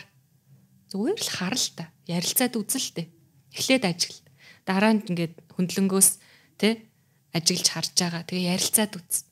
Сонс тэгээд. Зүгээр л сонс. Юу хэлхийг нь сонсоод үзэлтэй маш өөр. Тэгээд тэр хүүхд юу хүсэж байгааг бид нар ойлгоно. Тэгээ сонсоод ойлгоод ажиглаад ирэх юм бол хүүхэд үнэхээр бүх хүсэж байгаа зүйл нь маш энгийн л зүйлдэг таныг нэг өдөрт нэг 5 10 минут за хойрч гэхгүй баг 5 10 минут л таныг сонсхийг л хүснэ. Сонсоод өхийг хүснэ. Таныг нэг нүдрүү ингээд нэг ихцэлж хараад өнөөдөр ямар байсан гайгүй юу миний охин миний хүү зүгээр үү гэж асуух тэр асуултыг л хүснэ. Нэг сайхан тэрвүүлэхийг хүснэ. Юусоо л юм ингийн. А гэтэл бид нар нэг аюух юм бодоод идэг Тим ч юмыг нь аваад өгч, ийм ч юмыг ингүүл баярлчих واخ ингэ чи тэгчээ. Тэгээ хамаг цагаа нөгөө трийгээ бүтээхтэй, трийгээ олохдоо зарцуулаад, мөнгө олохдоо зарцуулаад тэгэл авчраал баахан идэж уух юм гэлдээл ингэсэн. Би чамайг тижээж байгаа өстэй би чамд тэ өнөөдрийг урж байгаа өстэй чи үсээд уурлаад байгаа юм гэл нөгөө хөөхт маань хаалгаа тас хаагаал өрөөрөө орохт нь чи юундаа уурлаа хаалгаа хаагаад байгаа юм гэл нөгөө хүүхдтэйгээ ойлголцохгүй байгаад ддэг. Гэтэл яг өнөө ирэх дээр хүүхд тэрнээс илүү зүгээр таны нэг 5 минутыг тэр нэг жоохон анхаарлыг тэр нэг жоохон сонсох тэр тэ зүйлийг л хүсэж идэг тэр анхаарлыг хүсэж идэг. Тэгэхээр бид нар гол нь одоо нөгөө эцэг ихгийг одоо яг түрүүн хөтөлбөр маань ингээ явдаг буцаад хөтөлбөр хүүхдүүд тэрийг ойлгоод мэдээд явангуудаа гэртээ очиод тэр зүйлийг хүсэж эхэлдэг. Тэгээ хүүхдүүд маань очио ярьдаг гэж байгаа байхгүй жишээлбэл ээжээ би таны хайрын саксыг дүүргээд үгүйгээд ээжигээ тэрвэрдэг гинэ. 3 настай охин. Тэнгүүд чинь л ээж нь зүгээр уяраа л хайлаа явчихдаг гэсэн. Нөгөө үлгэрээрээ дамжуулж бид нар тийг заадаг. Тэгээ аав нь ингээд нөгөө гомдоогоо загнаж магнахаар аава та миний хайрын саксыг хоосолчлоо штэ гэж мэгээд ингээ хэлдэг. Тэгээ энэ хүүхд яаж байгаа юм бэ гэхээр сэтгэл хөдлөлөө илэрхийлж байгаа. Тэгээ би гомдоод байна. Та надад ингэж хэлсэн чинь надад муухай сэтгэл төрүүллээ л гэж хэлээд байгаа. Түүнээс биш 3 настай хүүхэд яг бид нартай адилхан стресстэй байхгүй. Тэгтээ гэртээ орж ирээд би айгүй стресстэй байгаа шүү. Тэ би ажил ихтэй одоо хэцүү өдөр байлаа майлаа. Цэцэрлэг дээр өнөөдөр инглээ тэглээ гэж ярьдаггүй байхгүй. Аа тийм юм ярьж чадахгүй шүү дээ. Тэгээд хилдэг илэрхийлдэг зүйл нь уйлдаг, ууралдаг. хашгирдаг. Тэ эсвэл дураараа ингээд зан гаргадаг. Тэгээ нөгөө аав ээжийн анхаарлыг татах гэж нөгөө янз янз болоод тийм. Тэнгүүт наав ээж нь яадаг вэ гэхээр нөгөө сэтгэл хөдлөлийг нь ойлгохгүй. Яг нөгөө хувцас ингээд солиод өмсчих гээд хэлж байгаа юм шиг. Инээлтэй чи муухай уурлахаараа муухай харагддаг шүү дээ. Миний охин гоё инээч. Инээхэрэг хөөрхөн шүү дээ. Тэр гэж мэгээдэг ч юм уу те. Эсвэл бити уурлаа дээ. Жох хөөхт хизээ уурлж исэн гэд ингэдэг те. Гэтэл бид нар уурламар байвал яах юм? Бид нарыг нэг уурлаал ингээл уурлж уурлаал ингээл амар таагүй байсан чинь Тэ чи өндөө уурлаад байгаа инээгээч ихэр бид нар инээх үү те. Урдаас нь баран ингээд уурлаад өөр шүү те. Тэгэхээр яг бид нартай адилхан тэр сэтгэл хөдлөл тэр хүүхдэд бас байд юм аа те гэдгийг эцэг эхчүүд маань ойлгох хэрэгтэй. А тэгээд сэтгэл хөдлөлийг дасгалжуулдаг эцэг их яадаг юм гэхээр яг тэрийг ойлгоод яаж ийн уурчин хүрээд байгааг би ойлгож байна. Надад ч гэсэн ийм юм тохиолддог. Тэр үедээ ингэж би тайвширд юм аа. Чи яавал тайвширх юм? Хоёлаа тэгвэл тэрий чи хийл та хамтдаа гэд. Хүүхд амар амархан дээ. Тэгэл ерөөсөө би чи хоёлаа жоохон тоглох уу гэхтэл за тий гээл босоод ингээл гүгээл тоглоол явчихна. Тэгэхээр яг тэр сэтгэл хөдлөлийг ингээд нөгөө цэцэрлэгтэн тэрийг заагаад идэг. Очоо тэгээд тэр хэлээрээ ярахаар нөгөө эцэг их нь ойлгохгүй. Уртаас нь яг одоо сэтгэл хөдлөлийг нь үл хайхраад тоох тоохгүй байгаад идэг. Энэ байдлаас болоод нөгөө буцаал яг өөрсдөө адилхан бид нар сэтгэл хөдлөлийг үл огоордог те нөгөө огоордог те үл хайхардаг тасгалжуулдаггүй тэ ойлгодоггүй тийм одоо хүмүүсийг л бэлдээд байдаг. Тэгэхээр яг манай хөтөлбөр бол мэдээж эцэг ихтэй бас хандна. Эцэг ихт нь энэ талын зүйлүүдийг нь сургалтыг нь явдаг тэ. А гэхдээ зүгээр ганц гой гарч байгаа тэр үр дүн юу юм бэ гэхээр хүүхдүүд ингээд сая биелсэн хайрын саксын талаар очиж ярихаар ээж нь ойлгоод ээж өөрчлөгдөд байгаа. Аа өөрчлөгдөд байгаа. Аа хурч ирээд Өш энэ одоо юу яриад байна? Хайрын саксыг хоослчлоо гэгээд ах юм. Тэр нь одоо юу юм гэд багшаас нь асуудаг. Тэгээ аав өөрийгөө цэгнэж эхэлдэг. Тэгэд аава та бити уурлалтаа та тайван байл та та сайхан гүнзгий амьсгал авчих. Или хоёлаа гүнзгий амьсгал авах уу энэ гэж мэгж хүүхэд нь хэлдэг гэсэн.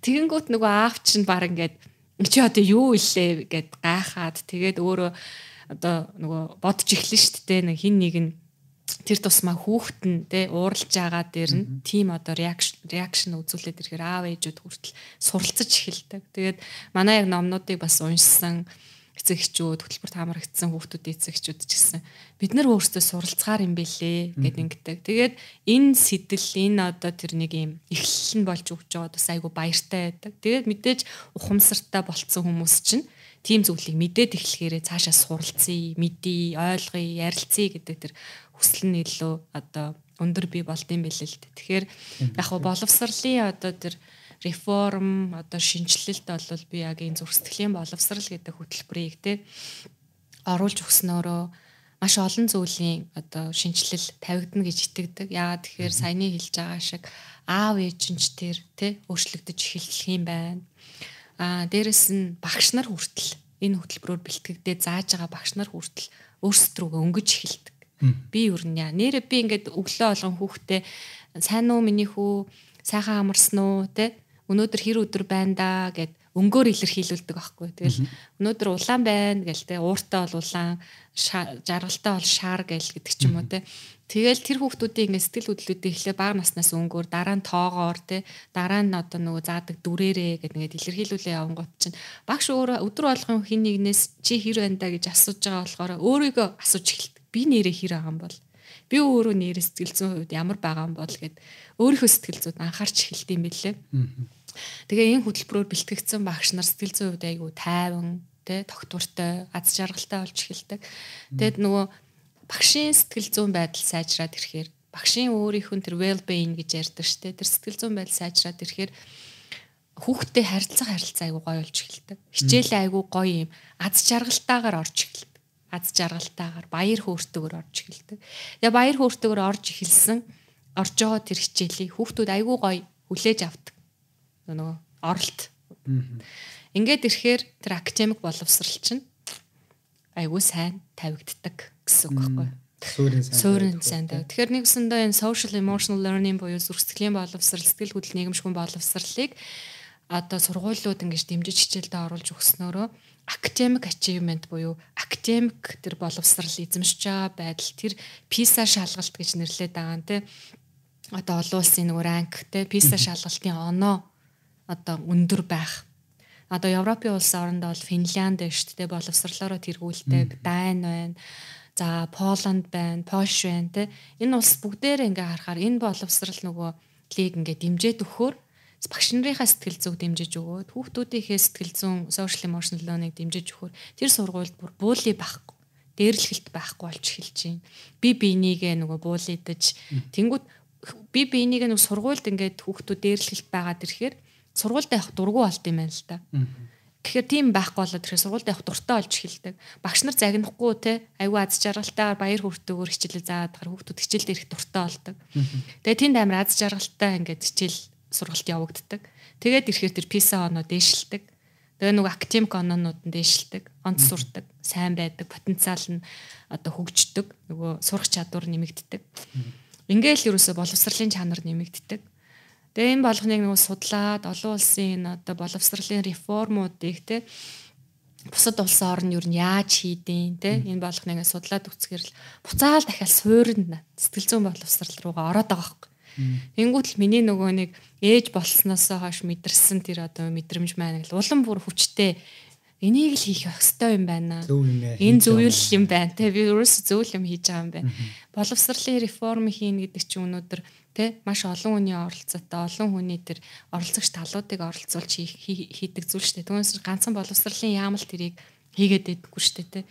Тэгэхээр тэнд сэтгэл зүйч нарыг тэнд хувийн секторуудыг тэнд эцэг эхчүүдийг тэ тэнд ихтэй сургуулиудын доктор профессоруудыг гэдэг ингээд маш олон талын оролцогчдыг оролцуулах замаар улсын бодлого одоо боловсролын тогтолцооныхоо реформын бодлогоо тодорхойлоод тэрлүү чиглэсэн гэд маш олон оролцогч талуудыг оролцуулж иж энэ одоо реформ хийгдэх шат тавигдах байхгүй.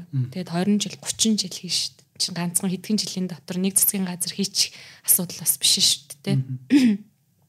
Тэгэхээр миний энэ ихтгэл үнэмшил айгүй өндөр байдаг. Тэгээ би өөрөөсөө одоо хийж байгаа ажилдаа айгүй хангалуун байдаг, дуртай. Тэгээд 30 жилийн дараах Монголын одоо нийгмийг нийгэмд айгүй өөр тэр уур амьсгалыг авчрах, нийгмийн тэр хөгжилт, нийгмийн тэр нийгмийг бүтээж байгаа тэр иргэдийг сэтгэл зүйн хувьд маш өндөр боловсралтай, эрүүл, сэтгэл зүйтэй иргэд байна гэж итгэж яг одооноос эхлэх ёстой юм байна гэд эхлүүлсэн. Тэгээд одоо ингээд маш амжилттай бас явж байна. Тэгээд үр дүн гарсаар байна. Цаашаач гарах бах одоо нэг э, хэсэг бүлэг сегментийн те хэсэг хүүхдэд зорилт ингээ хүүхдүүдэд хүрж байгаа бол цаашаа номороо дамжуулаад хөтөлбөрөөрөө дамжуулаад улсын цэцэрлэг, улсын сургууль гээл те ингээд тэгш хүртээмжтэйгээр маш олон хүүхдэд энийг хүргэе гэсэн тийм зорилго тавиад ажиллаж байгаа. Тэгээ ерөөсөө энэ бол урт хугацааны үр дүн. Бид нар яг л нэрээ сая хэлдгээр 30 жилийн дараах нийгмийг бүтээх тэр хүмүүсийг өнөөдрөөс л бэлтгэх ёстой юм аа л гэж ингэж итгэдэж штэ. За маш сайхан нинүгүү дэлгэрэнгүй тайлбарлсан байлаа. Би бүр таны ярианд орсон. Би бүр нөгөө ярьсан дуртай юм болохоор гэдэг шиг нөгөө хүн дуртай сэдвээ ярихаар угаасаа нэг ингээд нүдэн насаа гал зүгтээ ярьдэн штэ. Би яалч таны ярианд ингээд ороод ярьчихлаа. Өдөр ч байлаа бас ингээд подкаст хийхээс өмнө уулзч хаад би таны ярианд ингээд ороод яг ингээд хүн дуртай юм а ярьж байгаа хүн хийж байгаа юмнасаа үр дүнгээ амтж байгаа хүн ямар ингээд ямар ч гацаж дүгдрэхгүй ерөөсөө өөрийнхөө хийсэн юмыг ярьж байгаа учраас ямар номон дээр хүний үгээр ярьж байгаа биш болохоор маш таатай байдаг ярилцгаж тав тухтай. За ер нь бол хөтөлбөр цэцэрлэгийн настай холбоотой сургуулийн өмнөх боловсралтай холбоотой зүйлийг ярьлаа. Тэр одоо илүү би нэг өсвөр насны хүүхдүүдтэй холбоотой. Та нэгэн тал боловсролын салбарын хүнийг авчирсан учраас би асууя гэж бодоод байна. Би сүүлд нэг өчигдөр өнгөрсөн 7 хоногт юм байна.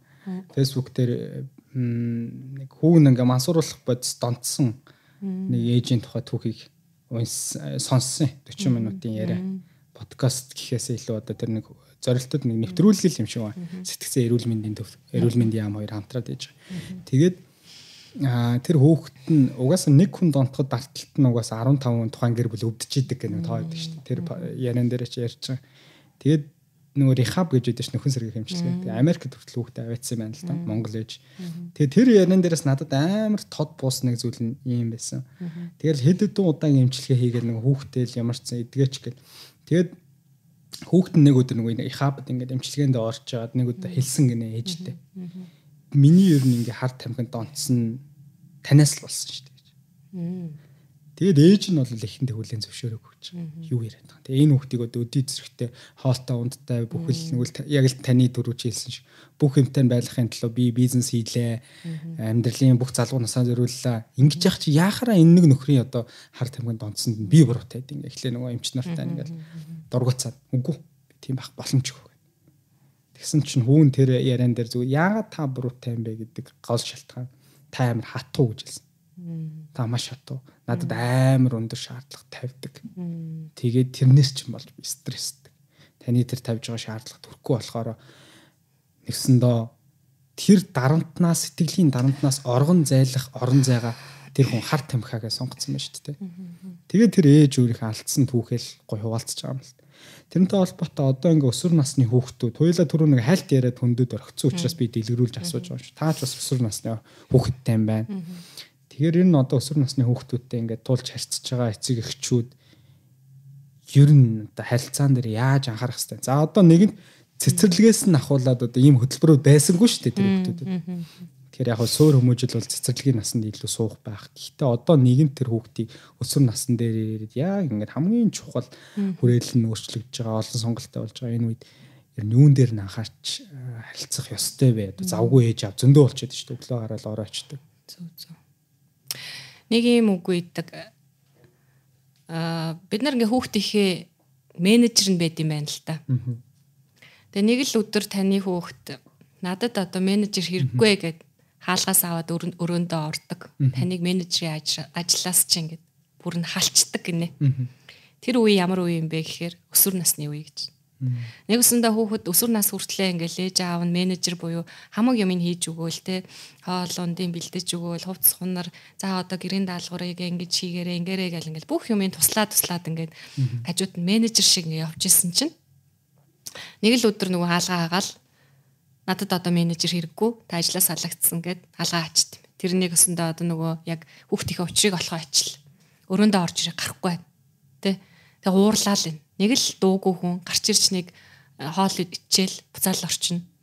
Ингээд байна гэл яг эцэгчүүдийн нөгөө түгээмэл асуудаг асуулт л та. Яг энэ үед яах ёстой юм бэ гэхээр буцаад ажилд орох. Буцаад ажилд орохдоо менежерээр биш зөвлөхөөр зөвлөх зөвлөхдөө зүгээр нэг одоо шүүмжилдэг зөвлөх биш. Одоо маш өөрийг нь ойлгодог, сонсдог тэр зөвлөх болж байж ич ажилд орно. Ажилд орно буюу хүүхдтэйгээ харилцаж эхэлнэ. Хүүхдийнхээ тэр мансууруулах бодис гэж байна шүү дээ. Яг энэ насан дээр хүүхдүүд хэрвээ ээж аваасаа хол хүндий ярилцахгүй ийм байдалтай байх юм бол одоо янз бүрийн зүйлд уруу тагтах магадлал маш өндөртэй. Нэг осондоо тэр одоо мансууруулах бодисыг сонирхож эхэлнэ, тэ найз нөхдийн хүрээлэл, тэ эсвэл дагалт одоо янз бүрийн уруу татах юм зөндөө байгаа штэ. Тэгэхээр энэ зүйлүүдийг эцэг их мэддэг байх хэрэгтэй байхгүй холбоотой байх хэрэгтэй байхгүй харилцдаг байх. Тэгэхээр харилцаж ярилцаж хүүхдээ сонсдог тэр нэг найз шиг зөвлөх нь байхын тулд яг тийм дүрийг бид нар бас бүтээж өөрсдөө хувиргалт хийх хэрэгтэй бол нөгөө л загнаалчин ингэсэнгүү тэгсэнгүү нөгөө хатуу ээжийн байр суурьтай те даалгавраа хийсэнгүү тэгсэнгүү гэл ингээд ах юм бол танд нөгөө өсвөр насн дээр очиод надад одоо менежер хэрэггүй гэд ингээд ажлаас халаад юугаа ч хэлэхгүй тантай харилцахгүй болчиход байхгүй. А тэгэхээр тэр үед харилцдаг байхын тулд нөгөө зөвлөхийн одоо байр суурь дээр ажиллана. Аа тэгээ хүүхдтэйгээ ярилцдаг, ойлголцдог, сонсдог, тэгээ ажигладаг энэ одоо байх юм бол хүүхдэд юу тохиолдоод байгааг хүүхэд ярих дуртай байдаг. Тэр тусмаа өсвөр насны хүүхдүүдийн хувьд ярилцах хэрэгцээ маш өндөр гэдэг. Өөрийнхөө сэтгэл хөдлөлийг гаргах хэрэгцээ маш өндөр гэдэг. А гэтэл яг тэр үед нь яаж ярих учраа олдоггүй. Нөгөө тэгэл тэрнээс болоод нэг асуудлууд үүсч эхэлдэг. Жишээлбэл би одоо яг октоодтайгаа яг өсвөр насны октоодтай тэгээд гол одоо миний одоо хэрэгэлдэг зүйл бол бас л ялгаагүй тэр асуудлууд чинь ингээл ингээл яг жам ёсоороо ирж байгаа. Тэгээд нэг айхтар цаг гаргаад ич чадахгүй ч гэсэн оройдоо нэг маш бага цагийг ч гэсэн зарцуулахыг боддог. Тэр нь тэгэл нэх ингээл би бүгдийг бэлдэхгүй штэ. Зүгээр наад зах ингээл октод учраас жишээлбэл нүүрний нүрээ цэв орой ингээл нүрээ цэвэрлж мэвэрлэн те угааж мугаагаад нойлын өрөөндөө байж хахтан ороод ярилцсан. Нөө миний нүр ингээд тэгээд тэгээд би ч одоо өөрийнхөө асуудлыг эхлээ ярина шүү дээ. Шууд тэр хүүхдийн асуудлыг ярих юм бол тэр хүүхд хүлээж авахгүй. Тэгэл миний нүр ингээд миний нүр дээр юм батг гараад ингээд ах юм чиний яаж ийн гэл гэдэг ч юм. Ингээ хүүхдтэйгээ нөгөө ярилцах тэр сэжим одоо зүйлийг одоо тэр үзүүрээс барьж авах хэрэгтэй. Тэнгүүт чинь л нөгөөдөл чинь ингэж ин тэгж минийх бас ингэж ээж эмээжээ. Тэгвэл хоёлоо маск тавь ингэж тгий гэл ингээл яриад ингэнгүүт хүүхэд өөрийнх нь асуудал дээр ээжийнх нь асуудал ч гэсэн адилхан байдгийг мэдээд дахиад тэрийг нь хамтдаа шийдээ гэд ингээд ирэхээр амар дуртай болж эхэлнэ. Тэгээл та гэд. Тэгээ дахиад маск тавиад нэг 10 минут 20 минут тэр хооронд дахиад юм ярина. Гэх мэтчлэн боломжийг дандаа ашиглана гэсэн үг байхгүй. А эсвэл одоо юу гэдэг өөрийнхөө одоо сая манай хүүхдүүд нөгөө туслан яваа найрамдал л та. Тэнгүүт чинь би одоо бага насандаа харьхраа туслан явдаг тухай түүхээ яриад тэгдэг байлаа, ингэдэг байлаа гэж нөгөө туслан явахтай холбоотой бэлтгэл ажил хийх гэж бид нар гараа явахтаа л ярьж байгаа байхгүй. Тэнгүүт чинь л нөгөө хоёр чинь ээжээ тэгвэл тгийн штэ ингэн штэ харин тэгдэг байхгүй өнгөрсөн жил тэгсэн байхгүй гэж ингээл нөгөө өнгөрсөн юмнуудаа яриад те найз нөхдүүдээ яриад гэдэг ч юм уу. Ингээд бидний хооронд ийм нөгөө харилцааны нээлттэй байдал үүсэж байгаа. Тэгэхээр ээжтэй тэр нөгөө нуух хаах юм байдаггүй аав ээжтэйгээ тэгж ярилцаж чаддаг хүүхдүүд бол нуух хаах юм байдаггүй асуудал болсон ч гэсэн тэрийг хилдэг а тэгээ аав ээж нь тэрийг одоо ойлгож сонсож чаддаг гэдэг тэр мэдрэмжийг ихтгэлтэй хүмүүс гэдэг тэр мэдрэмжийг авчих юм бол одоо янз бүрийн тэр асуудалд орох нь айгүй бага байгаад. Тэгээ би яг сая чиний нөгөө хэлсэн мансууруулах бодис гээд дээр бас нэг надад нэг уншиж ирсэн жишээ байдیں۔ Одоо а тэр яасан бэ гэхээр бид нар яг зүгээр ээж хатуу тий одоо яг тэр нөгөө хатуу миний түрүүн хэлсэн нэг юм дээр оч энд оч энд л хүр гэд бид нар ингээ нийгмийн хэм хэмжээ эсвэл эцэг эхийн хэм хэмжээнд очиж чадахгүй болоод ирэхээрээ энд ороод ирэхээрээ сэтгэлээр унаад тэгээд энд хүрч чадахгүй гэхээ тэр тайвширлыг авдаг зүйл нь тэр нэг зүйл агаад байгаа хгүй мансууруулах бодис ч юм уу те нэг юм буруу зүйл байгаад.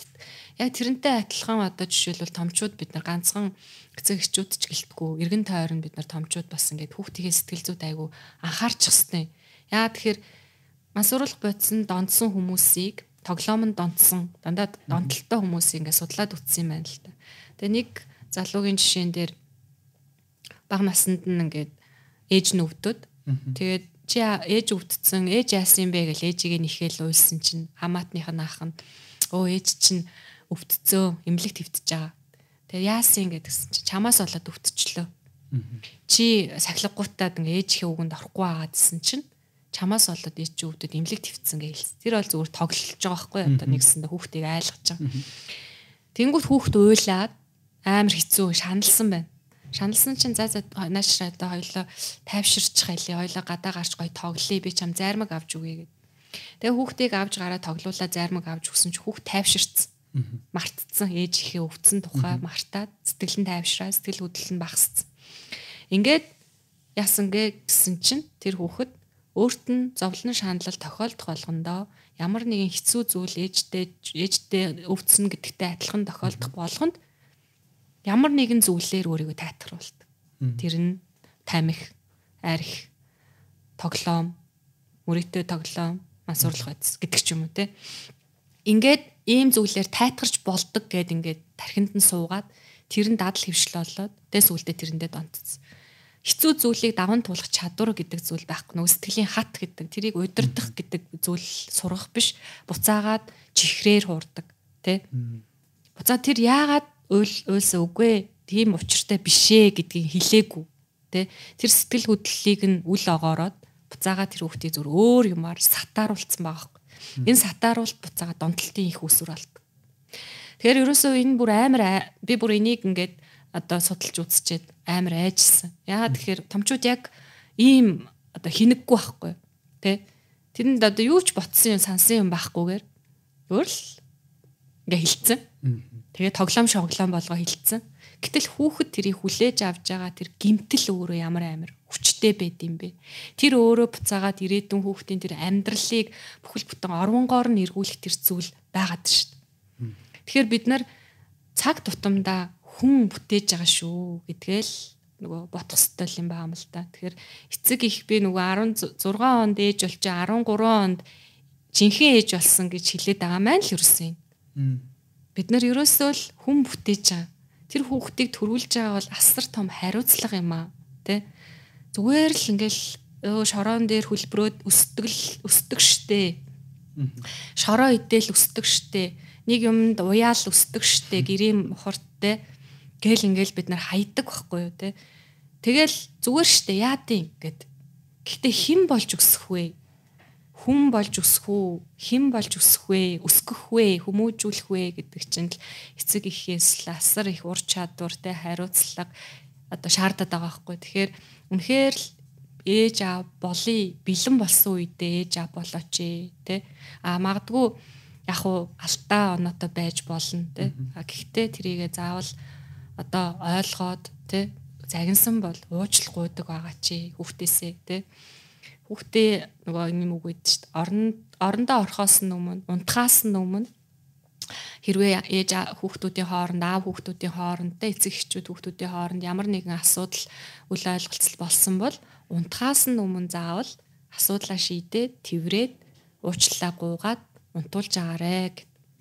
Тэгэхээр эцэг эхтэй хүүхдүүдийн бас нэг давуу тал яадгийн гэхээр тэднэрт тэр хайрыг буцаагаад мэдэрч чаддагт байдаг нэг осондоо загнууллаа, хатуу байлаа. Тэгтээ буцаагаад хайрлаад тэрврээд уучлаарай. Би ийм байс. Би буруу үг хэлсэн байна. Би сэтгэл хөдлөлтөй автаад ээж нас ууралчжээ. Тэ?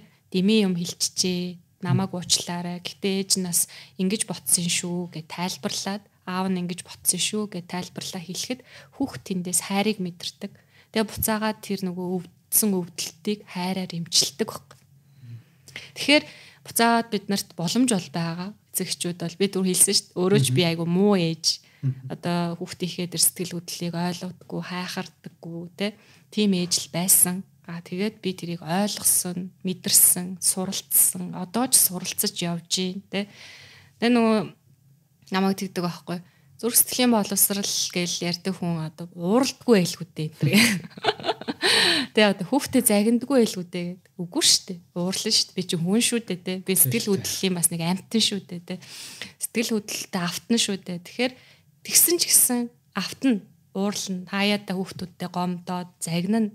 А гэхдээ хилнэ. Уучлахгүй байна. Ээж нь өнөөдөр бүр ингээд ийм стресстэй байсан учраас те ингэчлээ. Ээжигээ уучлаарай. Гэхдээ миний санаа бол ийм учраас ингэсэн. Ингээд би чамд гомцсондоо ч юм уу те бухимдсандаа ууралчлаа. Ингээд нэг осондоо 60% нь ууралсан ч 40% нь заавал уучлахгүйдэг. Энэ байх юм бол а сэтгэл хөдлөлийг дасгалжуулдаг бас сэтгэл хөдлөлийг тэндээс хүүхдүүд аа ийм байд юм байна ууралд юм байна гэтээ бас ингэж болт юм байна гэдэг тэр мессежийг авдаг те харилцаанд суралцчихдаг тэгэхээр мэдээж төгс эцэг их гэж байхгүй а төгс хүн гэж байхгүй. Бид нар бүгдээрээ яг энэ саяны сэтгэл хөдлөлт автан нуурлан нуцаарлан тэ а гэхдээ үнэхээр чадчихвэл багаас нь бид нар тэр болгоныг нь зөвөөр илэрхийлдэг зөвөөр зохицуулдаг тэр чадрыг суулгаад өгчих юм бол илүү амар байхгүй. Одоо над чиг ээж болсныхоо дараа 20 30 наснда те энэ талаар ойлгоо судлаад одоо суралцаад байгаа биш байхгүй те. Одоо тэрийг тэр олон жил суудсан тэр нөгөө дадал хев маяг байгаа шүү дээ зан характерын тэр нэг юм бүр хев маяг болцсон явж байгаа шүү дээ сэтгэл хөдлөлөө гаргадаг тэр юм тархинд бүр юм зураас болцсон явж байгаа шүү дээ энэ зүйлийг одоо бид нар өөрчлөх гээд ч юм уу те ингэж хабит болох гэж өөрчлөх гэж явсахаас илүүтэйгээр баг насан суулгачих юм бол илүү амар юм аа л гэдэг. Тэгэхээр хүн ерөөсөө өөрийнхөө мэдэрсэн, туулсан бүх зүйлийг мэд тэр асуудлыг олж харсан зүйлийг л шийдлийг нь олох гэж хүн явдаг штэ. Тэрнтэй адилхан миний хувьд ч гэсэн яг нэг хүүхдүүдтэй ээж хүний хувьд бүхэл энэ болгоныг туулаад мэдрээд явсан хүний хувьд энэ болгоныг одоо ингээд ирээдүйд нэг өгчихинсэн гэл бас нэг чаддаг бол энийг гаргачихсан те. Ингээд яачхад нэг ядаж нэг 10% та 20% та өөрчлөлт гарч штэ гоё штэ болж штэ гэл ингээл урамшаал. Тэгэл болж өгвөл нөгөө нэг ном гаргаал. Тэгэл ном маань ингээл хүнд хүрлээ гэл эцэгчүүдийн сэтгэл ингээл над руу бичин баярлалаа амар гоё ном гэл. Тэнгуут нь урамшаал. За дараагийн номоо гаргана. За дараагийнхаа хөтөлбөрийг хийн гэл ингээл явдаг. Тэгээд тэгэхээр тийм зүйлийг л одоо бид нар хөөр хүүхдэдээ өвлүүлэх ёстой юм аа. Хөрөнгө мөнгө биш бид нар те. Зөв хүн байх. тий эрүүл сэтгэл зүйтэй зөв хүн байх хийг л үлгэрлэж одоо тэрийг л өвлүүлэх юм да тий За ер нь бол би бэлдсэн баг ихэнх асуултуудаа. Зарим нь бас баг асууж амжааг байхад та маш гоё хариулцсан учраас баг хариу асуух шаардлага гарсан гоо. Тэгээд подкастын төгсгөлийг би ярианда илүү нөгөө өнөөдөр таны өнөөдөр яаж эхэллөө ерөнхийдөө сэтгэл зүйн өнөөдрийн сэтгэл зүйн ямар вэ гэж эхлүүлсэн бол ярианыхаа төгсгөлийг ер нь бол талархлаар хоёлаа бараг яриагаа эхэлсэн дээ. Тэгээ чин зэрэг багштай ерөнхийдөө талархаж явдаг. Тэгэхээр өнгөрсөн 7 хоногт ямар үйл явдал талархав? Одоо жишээ нь амьдралд юунд талархав гэж хэлчих юм бол угаасаа л бид нар баг хэрвээ бид нар амьдралаа сайн сайхан зүйлийг олж ирэх юм бол өдөр болгон л талархахаар сайхан зүйлүүд зөндөө тохиолдож байгаа. Тэр өнгөрсөн 7 хоногийн хугацаанд танд одоо болсон үйл явдал гэдэг юм уу, үтсэн сайхан кино гэдэг юм уу, дуу гэдэг юм уу. Би нэг тийм үйл явдал бол үнэхээр их талархаж байна гэд. Тэгээд талархлаар энэхүү удаагийн одоо дугаараа өндөрлөө гэж байна. За. Яг ер нь миний хувьд нөгөө талархлыг би өөрөө байнга хийдэг. Тийм зуршилтай тэмдэглэдэг гэсэн үг. Ер нь өөрөө нэг юм ганцаараа орчин үүсгээд тэгээд талархах зүйлээ бүгднийг бодоод бичдэг гэсэн үг. Аа ер нь энэ нөгөө дадлыг ингээ хийж хэлснээс хойш асуудал тийм асуудал байха болж хэлсэн миний хувьд. Ягаад тэгэхээр талархах шалтгаан айгүй их гараад ирдэг байхгүй. Одоо одоо би чам яг өнгөрсөн 7 хоног юунд талархав гээл тэгэхээр айгүй их юм хэлчих гээд байгаа тийм. Тэгэхээр яа тэгэхээр нөгөө ингээд бүх зүйлд ингээд талархаад идэм билээ л дээ. Тэгээд нөгөө асуудлууд гараал ирэхээр талархал бичээд эхэлнэ. Одоо ингээд энэ нь талархаж гин, энэ нь талархаж гин гэд маш жижигэн зүйлүүд шүү дээ тэр чинь. Тэгэл ирэхээр бүр ингээд сэтгэл онгоогоод уужраад тэгэнгүүтээ тэр асуудлууд юу ч асуудал биш юм шиг. Бараг тэр асуудал байгаа нь өөрөө талархалтай юм шиг болж эхэлдэг. Тэр асуудлыг шийдэхийн төлөө өнөөдөр би энд ингэж тэ ажиллаж байгаа штэ би байгаа штэ. Тэр намайг урагшаа асуудал гарч ирж байгаа тэр асуудлууд намайг урагшаа түлхэж өнөөдөр өдөр болгон намайг урагшаа ажилтаа байлгаж хий гэдэг зорилготой байлгаж энэ асуудлыг би шийдэх гэж өнөөдөр ажил дээрээ очдог ч юм уу те. Ийм байлгаж жагаад би нөгөө нэг талархдаг. Тэгээ нөгөө заримдаа одоо ингээд нөгөө хүмүүс хэлдэг ш нэг юм эерэг бай, эерэг сэтгэл зүйтэй бай гэдэг. Тэгээ би болохоор яг эерэг бай гэж хэлэхээс илүүтэйгээр нөгөө эерэг сэтгэл зүй гэдэг чинь өөрөө тэр байгаа асуудлыг эргээр хүлээж авч байгаа л зүйл штэ тэ. Тэгэхээр би яг тийм юм шиг байгаа гэж өөрөө боддیں۔ Нөгөө асуудал гараад ирэнгүүт аа За за энийг шийдчихье гэд гэдэг ийм нэг ийм мотивац авч идэг дандаа асуудлуудаас. Тэгээд тэгж боддог болохоор энэ талархал бол миний амьдралд бол айгүй ингээд олон өөрчлөлтүүдийг авчирсан. Энэ талархал хийдэг тийм зуршил одоо өөртөө бий болгосноор миний ингээд юмд хандах хандлага ч гэсэн айгүй гоё өөрчлөгдсөн. Тэгээ би яг зүгээр сая л бодогдож байна. Би нөө манайх цуслангийнхаа байшинд юусаа ойрд очиагүй байжгаад Сая өнгөрсөн 7 хоногт хүүхдүүд маань туслан явцсан. Юу хүүхдийн туслан явцсан. Тэгээ нөхөрөд хоёр очисон чинь манай гадна талын юм ил цуухан дотор нэг муур гурван одоо зулцэг гаргацсан. Муужгаад муужгаад төрүүлсэн байна. Тэгээ бараг 7 чоноогүй гэлтэй маш жоохон жижиг. Тэгээ би айгу муурнаас айдаг байхгүй. Айдаг тэгээд маа хүүхдүүд ингээ муур нохоо гэрийн тижээр амтан тижээе гэд надаас бүр амар ингээ гуугаад идэг. Тэгээ би нөгөө өөрөө айдаг болоод ч тэр нэгдүгээрт за дараа болъё та жоохон том болж байгаад тэгээ дээрэс нь тэр хамтныг арчлна гэдэг чи өөрөө айгүй том хариуцлага байдаг. Тэгээд том болоод өөрсдийгөө одоо чадна гэсэн үедээ болъё гэх ингээ хойшлуулаа л яваад гэсэн аахгүй. Тэгсэн чинь бүр ингээ өөрсдөө ил зуухан дотроо орж ирээд ингээ ингээ байцсан. Ингээ төрж мөрцсөн. Тэгээ би бүр ингээ мэдгүй айдаг майдаг. Тэр мэр бүгд ингээд бүгд алга болоод би бүр зүгээр л тийм ингээд урсаад чайлаад. Тэгээ сүү өгөө тараг өгөө нөгөө нөгөө хэдэн өдөр одоо ингээд нөгөө яаж байгаа бөөцөлж байгаа. Тэгээд хүүхдүүдэд хэлсэн чинь аваа нэг нь авчил та ээж тэхүү гэж гуугаал тэгээ би тэрэнд амар гоё ингээд талархсан. Тэгээд юм гэдэг нэг юм цаанаасаа тий одоо ингээд ирдэг юм шиг. Тэр мууранд за ингээд нэг гэр орон хэрэгтэй байгаад тий хурч ирсэн юм шиг надад санагдаад тэр надад айгүй гоё юм гоё мэдрэмж нэг юм талархсан мэдрэмжийг би тэндээс бас авсан. Тэгээд тэгэл ингээл орой нөхөрт хоёр орой болгоно нөгөө өнөөдөр сүүгийг авч очие өнөөдөр таргийг авч өнөөдөр юу өгөх үү муурны хоол моол маа нөхөр өнөөдөр нэг хөвтөр авч өгөхгүй болвол гадаа бас даарж байгаа хаа гэд. Гээл ингээл дээр нөгөө яг тэр ингээд зүйлийг тэр болгоныг мэдэрсэн чинь надад амар гоё ингээд ийм бидний амьдралд нэг ийм гоё юм шиндээ нэг хүүхд төр шинэ хүүхд төрхөөр ингээд нэг амар гоё болдог шиг тэр зулцгнууд яг тэр муур одоо тэр хөөрхөн зулцгнууд тийм одоо мэдрэмжийг авчирсан юм шиг санагдсан. Тэгээ тэрэнд айгу талархалтай бас байгаа. Тэгэд э, ер нь зүгээр талархаад ингээд нэг жоохон заавал байнгүй шилтэй.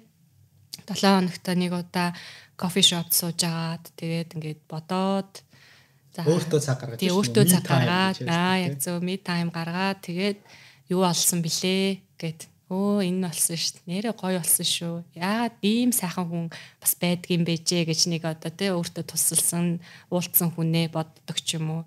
Яа ингээд ингэж байгаадаа ямар гоё юм бэ гэд ингээд ингээд ажил их байгаад ч гэсэн тий Тэгэл энэ ажил ажил их байна гэдэг чинь сайн юм шттэ те гэдэг ч юм уу. Ингээд нөгөө бодох тусам асуудал ингээд бүр жижигэрчдэг.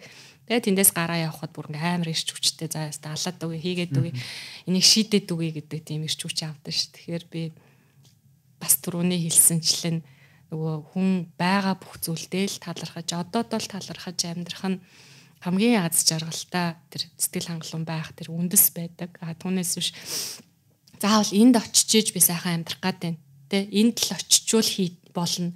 Энд очисныхоо дараа цаг гаргана. Энд очисныхоо дараа л тийм гоё аялаж үзсэн ч юм уу те ингэн тэгнэ гэдэг энэ бол байдгүй юм хэлээ л тэгэхээр зүгээр л нөгөө байгаа энэ байгаа зүйлтэй чадж байгаа зүйлтэй талархалтай хийж байгаа зүйлтэй баяртай ингээд сэтгэл хангалуун байна гэдэг чинь аз жаргал. Тэгээ тэрийгээ ингээ хийгээд ахаар чинь тэртээ тэргүү өссөн үсээгүй тэндээ нэг мэтгэд очсон байт юм шүү бас.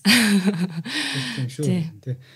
Зарим зүйл цаг хугацаанд болохоор ирдэг гэдэг үг нь би итгэдэг. Тэгээд бас болох хэвээр болдог гэдэг үгэнд үгээр өөрийгөө тайвшруулдаг төрлийн хүмүүс төрлийн хүмүүс гэн төрлийн хүн хүн бол би тэгээд таны төгсгөлийн хариулт бол маш гоё байлаа өөрөө өөртөө бид нар ч одоо энэ завгүй нийгэм тэгээд бидний нийгэм улмал төвхтэй ертөнц болж чинь тэгээд энэ их төвхтэй ертөнцид өөрөө өөртөө цаг гаргаж өөрөө өөрийнхөө бодлыг тунгаах ер нь би хаашаа яваад байгаа л ойр тэр нь юу болоод байгаа л өөрийгөө чагнах хугацаагч олохгүй л ажиллаж явах шиг байна дөө өглөө гараад орой ирэл орой ирээд өөртөө ч тайван суух боломж олдохгүй. Нөгөө инстаграмаа ухаал фэйсбүүкээр л осод хүмүүс яаж чинь гэл тэгэл нөгөө сторигаа гэл. Ерөөсө ганцаараач байх цаг хугацааг өөртөө олохгүй байх шиг байна. Тэгээ баярлалаа өнөөдөр завгүй амьдралынхаа бас нэгэн хэмнэлт манай студид зочилж манай хамт олонтой өөрийнхөө амьдралын туршлага нэг нүгөө сайхан ярилцлаа. Тэгээд манай подкастер ерөнхийдөө зочд маань баг нэг хоёр ч орсон тохиолдол зөндөө байдیں۔ дөө. Тэгэхээр би тантай бас ярих зүйл угаасаа яриул хуйлаагаар 3 4 цагийн подкаст болохоор тэгэхээр 3 жилийн дараа юм уу 5 жилийн дараа өнөөдрийн хийж байгаа зүйлүүд нь дахиад дараагийн шатанд очиод 3 жилийн дараа 5 жилийн дараа та Гэхдээ таймна тэр үед би чамтай ингээ ярьжсэн өнөөдөр ийм юм биш дээ гэд дахиад нэг шин зүйлийг амьдралаас автсан сурцсан дахиад нэг өөр хүмүүст шин зүйлийг өгцсөн тэндээсээ өгснөөсөө ингээ сэтгэл ханамжтай баярлаад ингээд явж байгаа алтан суртаа дахиад ярилцахыг хүсэж байна 5 жил юм уу 3 жилийн дараа мэдхгүй. Тэгээ тэр үед би подкаст бас хийгээд байж явах гэж бодож байна. Цаг гаргаж ирсэнд баярлалаа. Таны цаашдын амьдралд өөртөө өсдөг хамгийн сайн сайхан бүхний хүсээрэй. За маш их баярлалаа. Тэгээд маш гоё бас ингээд бүр ярилцлаа. Бүх зүйлээ л өстө чиний хэлснээр энэ өгөөл ярьчлаа штэ. Тий. За тэгээд яг тэгдэг хүм ингээд байнгын ховсын өөрчлөгдөж идэг. Яг зогс одоо 5 жилийн өмнө би байсан газраа ингээ ботох юм бол дахиад энэ 5 одоо энд арай өөр байгаа хгүй. Магадгүй дахиад 5 жилийн дараа хоёлоо уулзахад дахиад ингээд бодож байгаа, сэтгэж байгаа, ярьж байгаа үнцэг маань ч гэсэн те бид хоёрын ярих сэдвч гэсэн өөр зүйл байх болоо гэж бас бодож байна. Тэгээд урьсанд маш их баярлалаа. Баярлалаа. За ингээд эрхэм сонсогч та бүхэндээ ямар ч зэ энэ хүртэл битүүрийн яриаг бол тасралтгүй сонссон байх гэж бодож байна. Яа тэгэхээр бит хоёр сэтгэл зүйн талаар ярьлаа, боловсрал ярьлаа. Хүмүүсийн анхдагч хэрэгцээнүүдийн талаар энэ сэдвийг хөндөж салбарынхаа мэрэгчлэлтийг өрж оролцуулсан учраас би ч өөрөө таатай байна. Тэгээд дараа дараагийн дугаараар дахин уулзтлаа. Түр баяртай.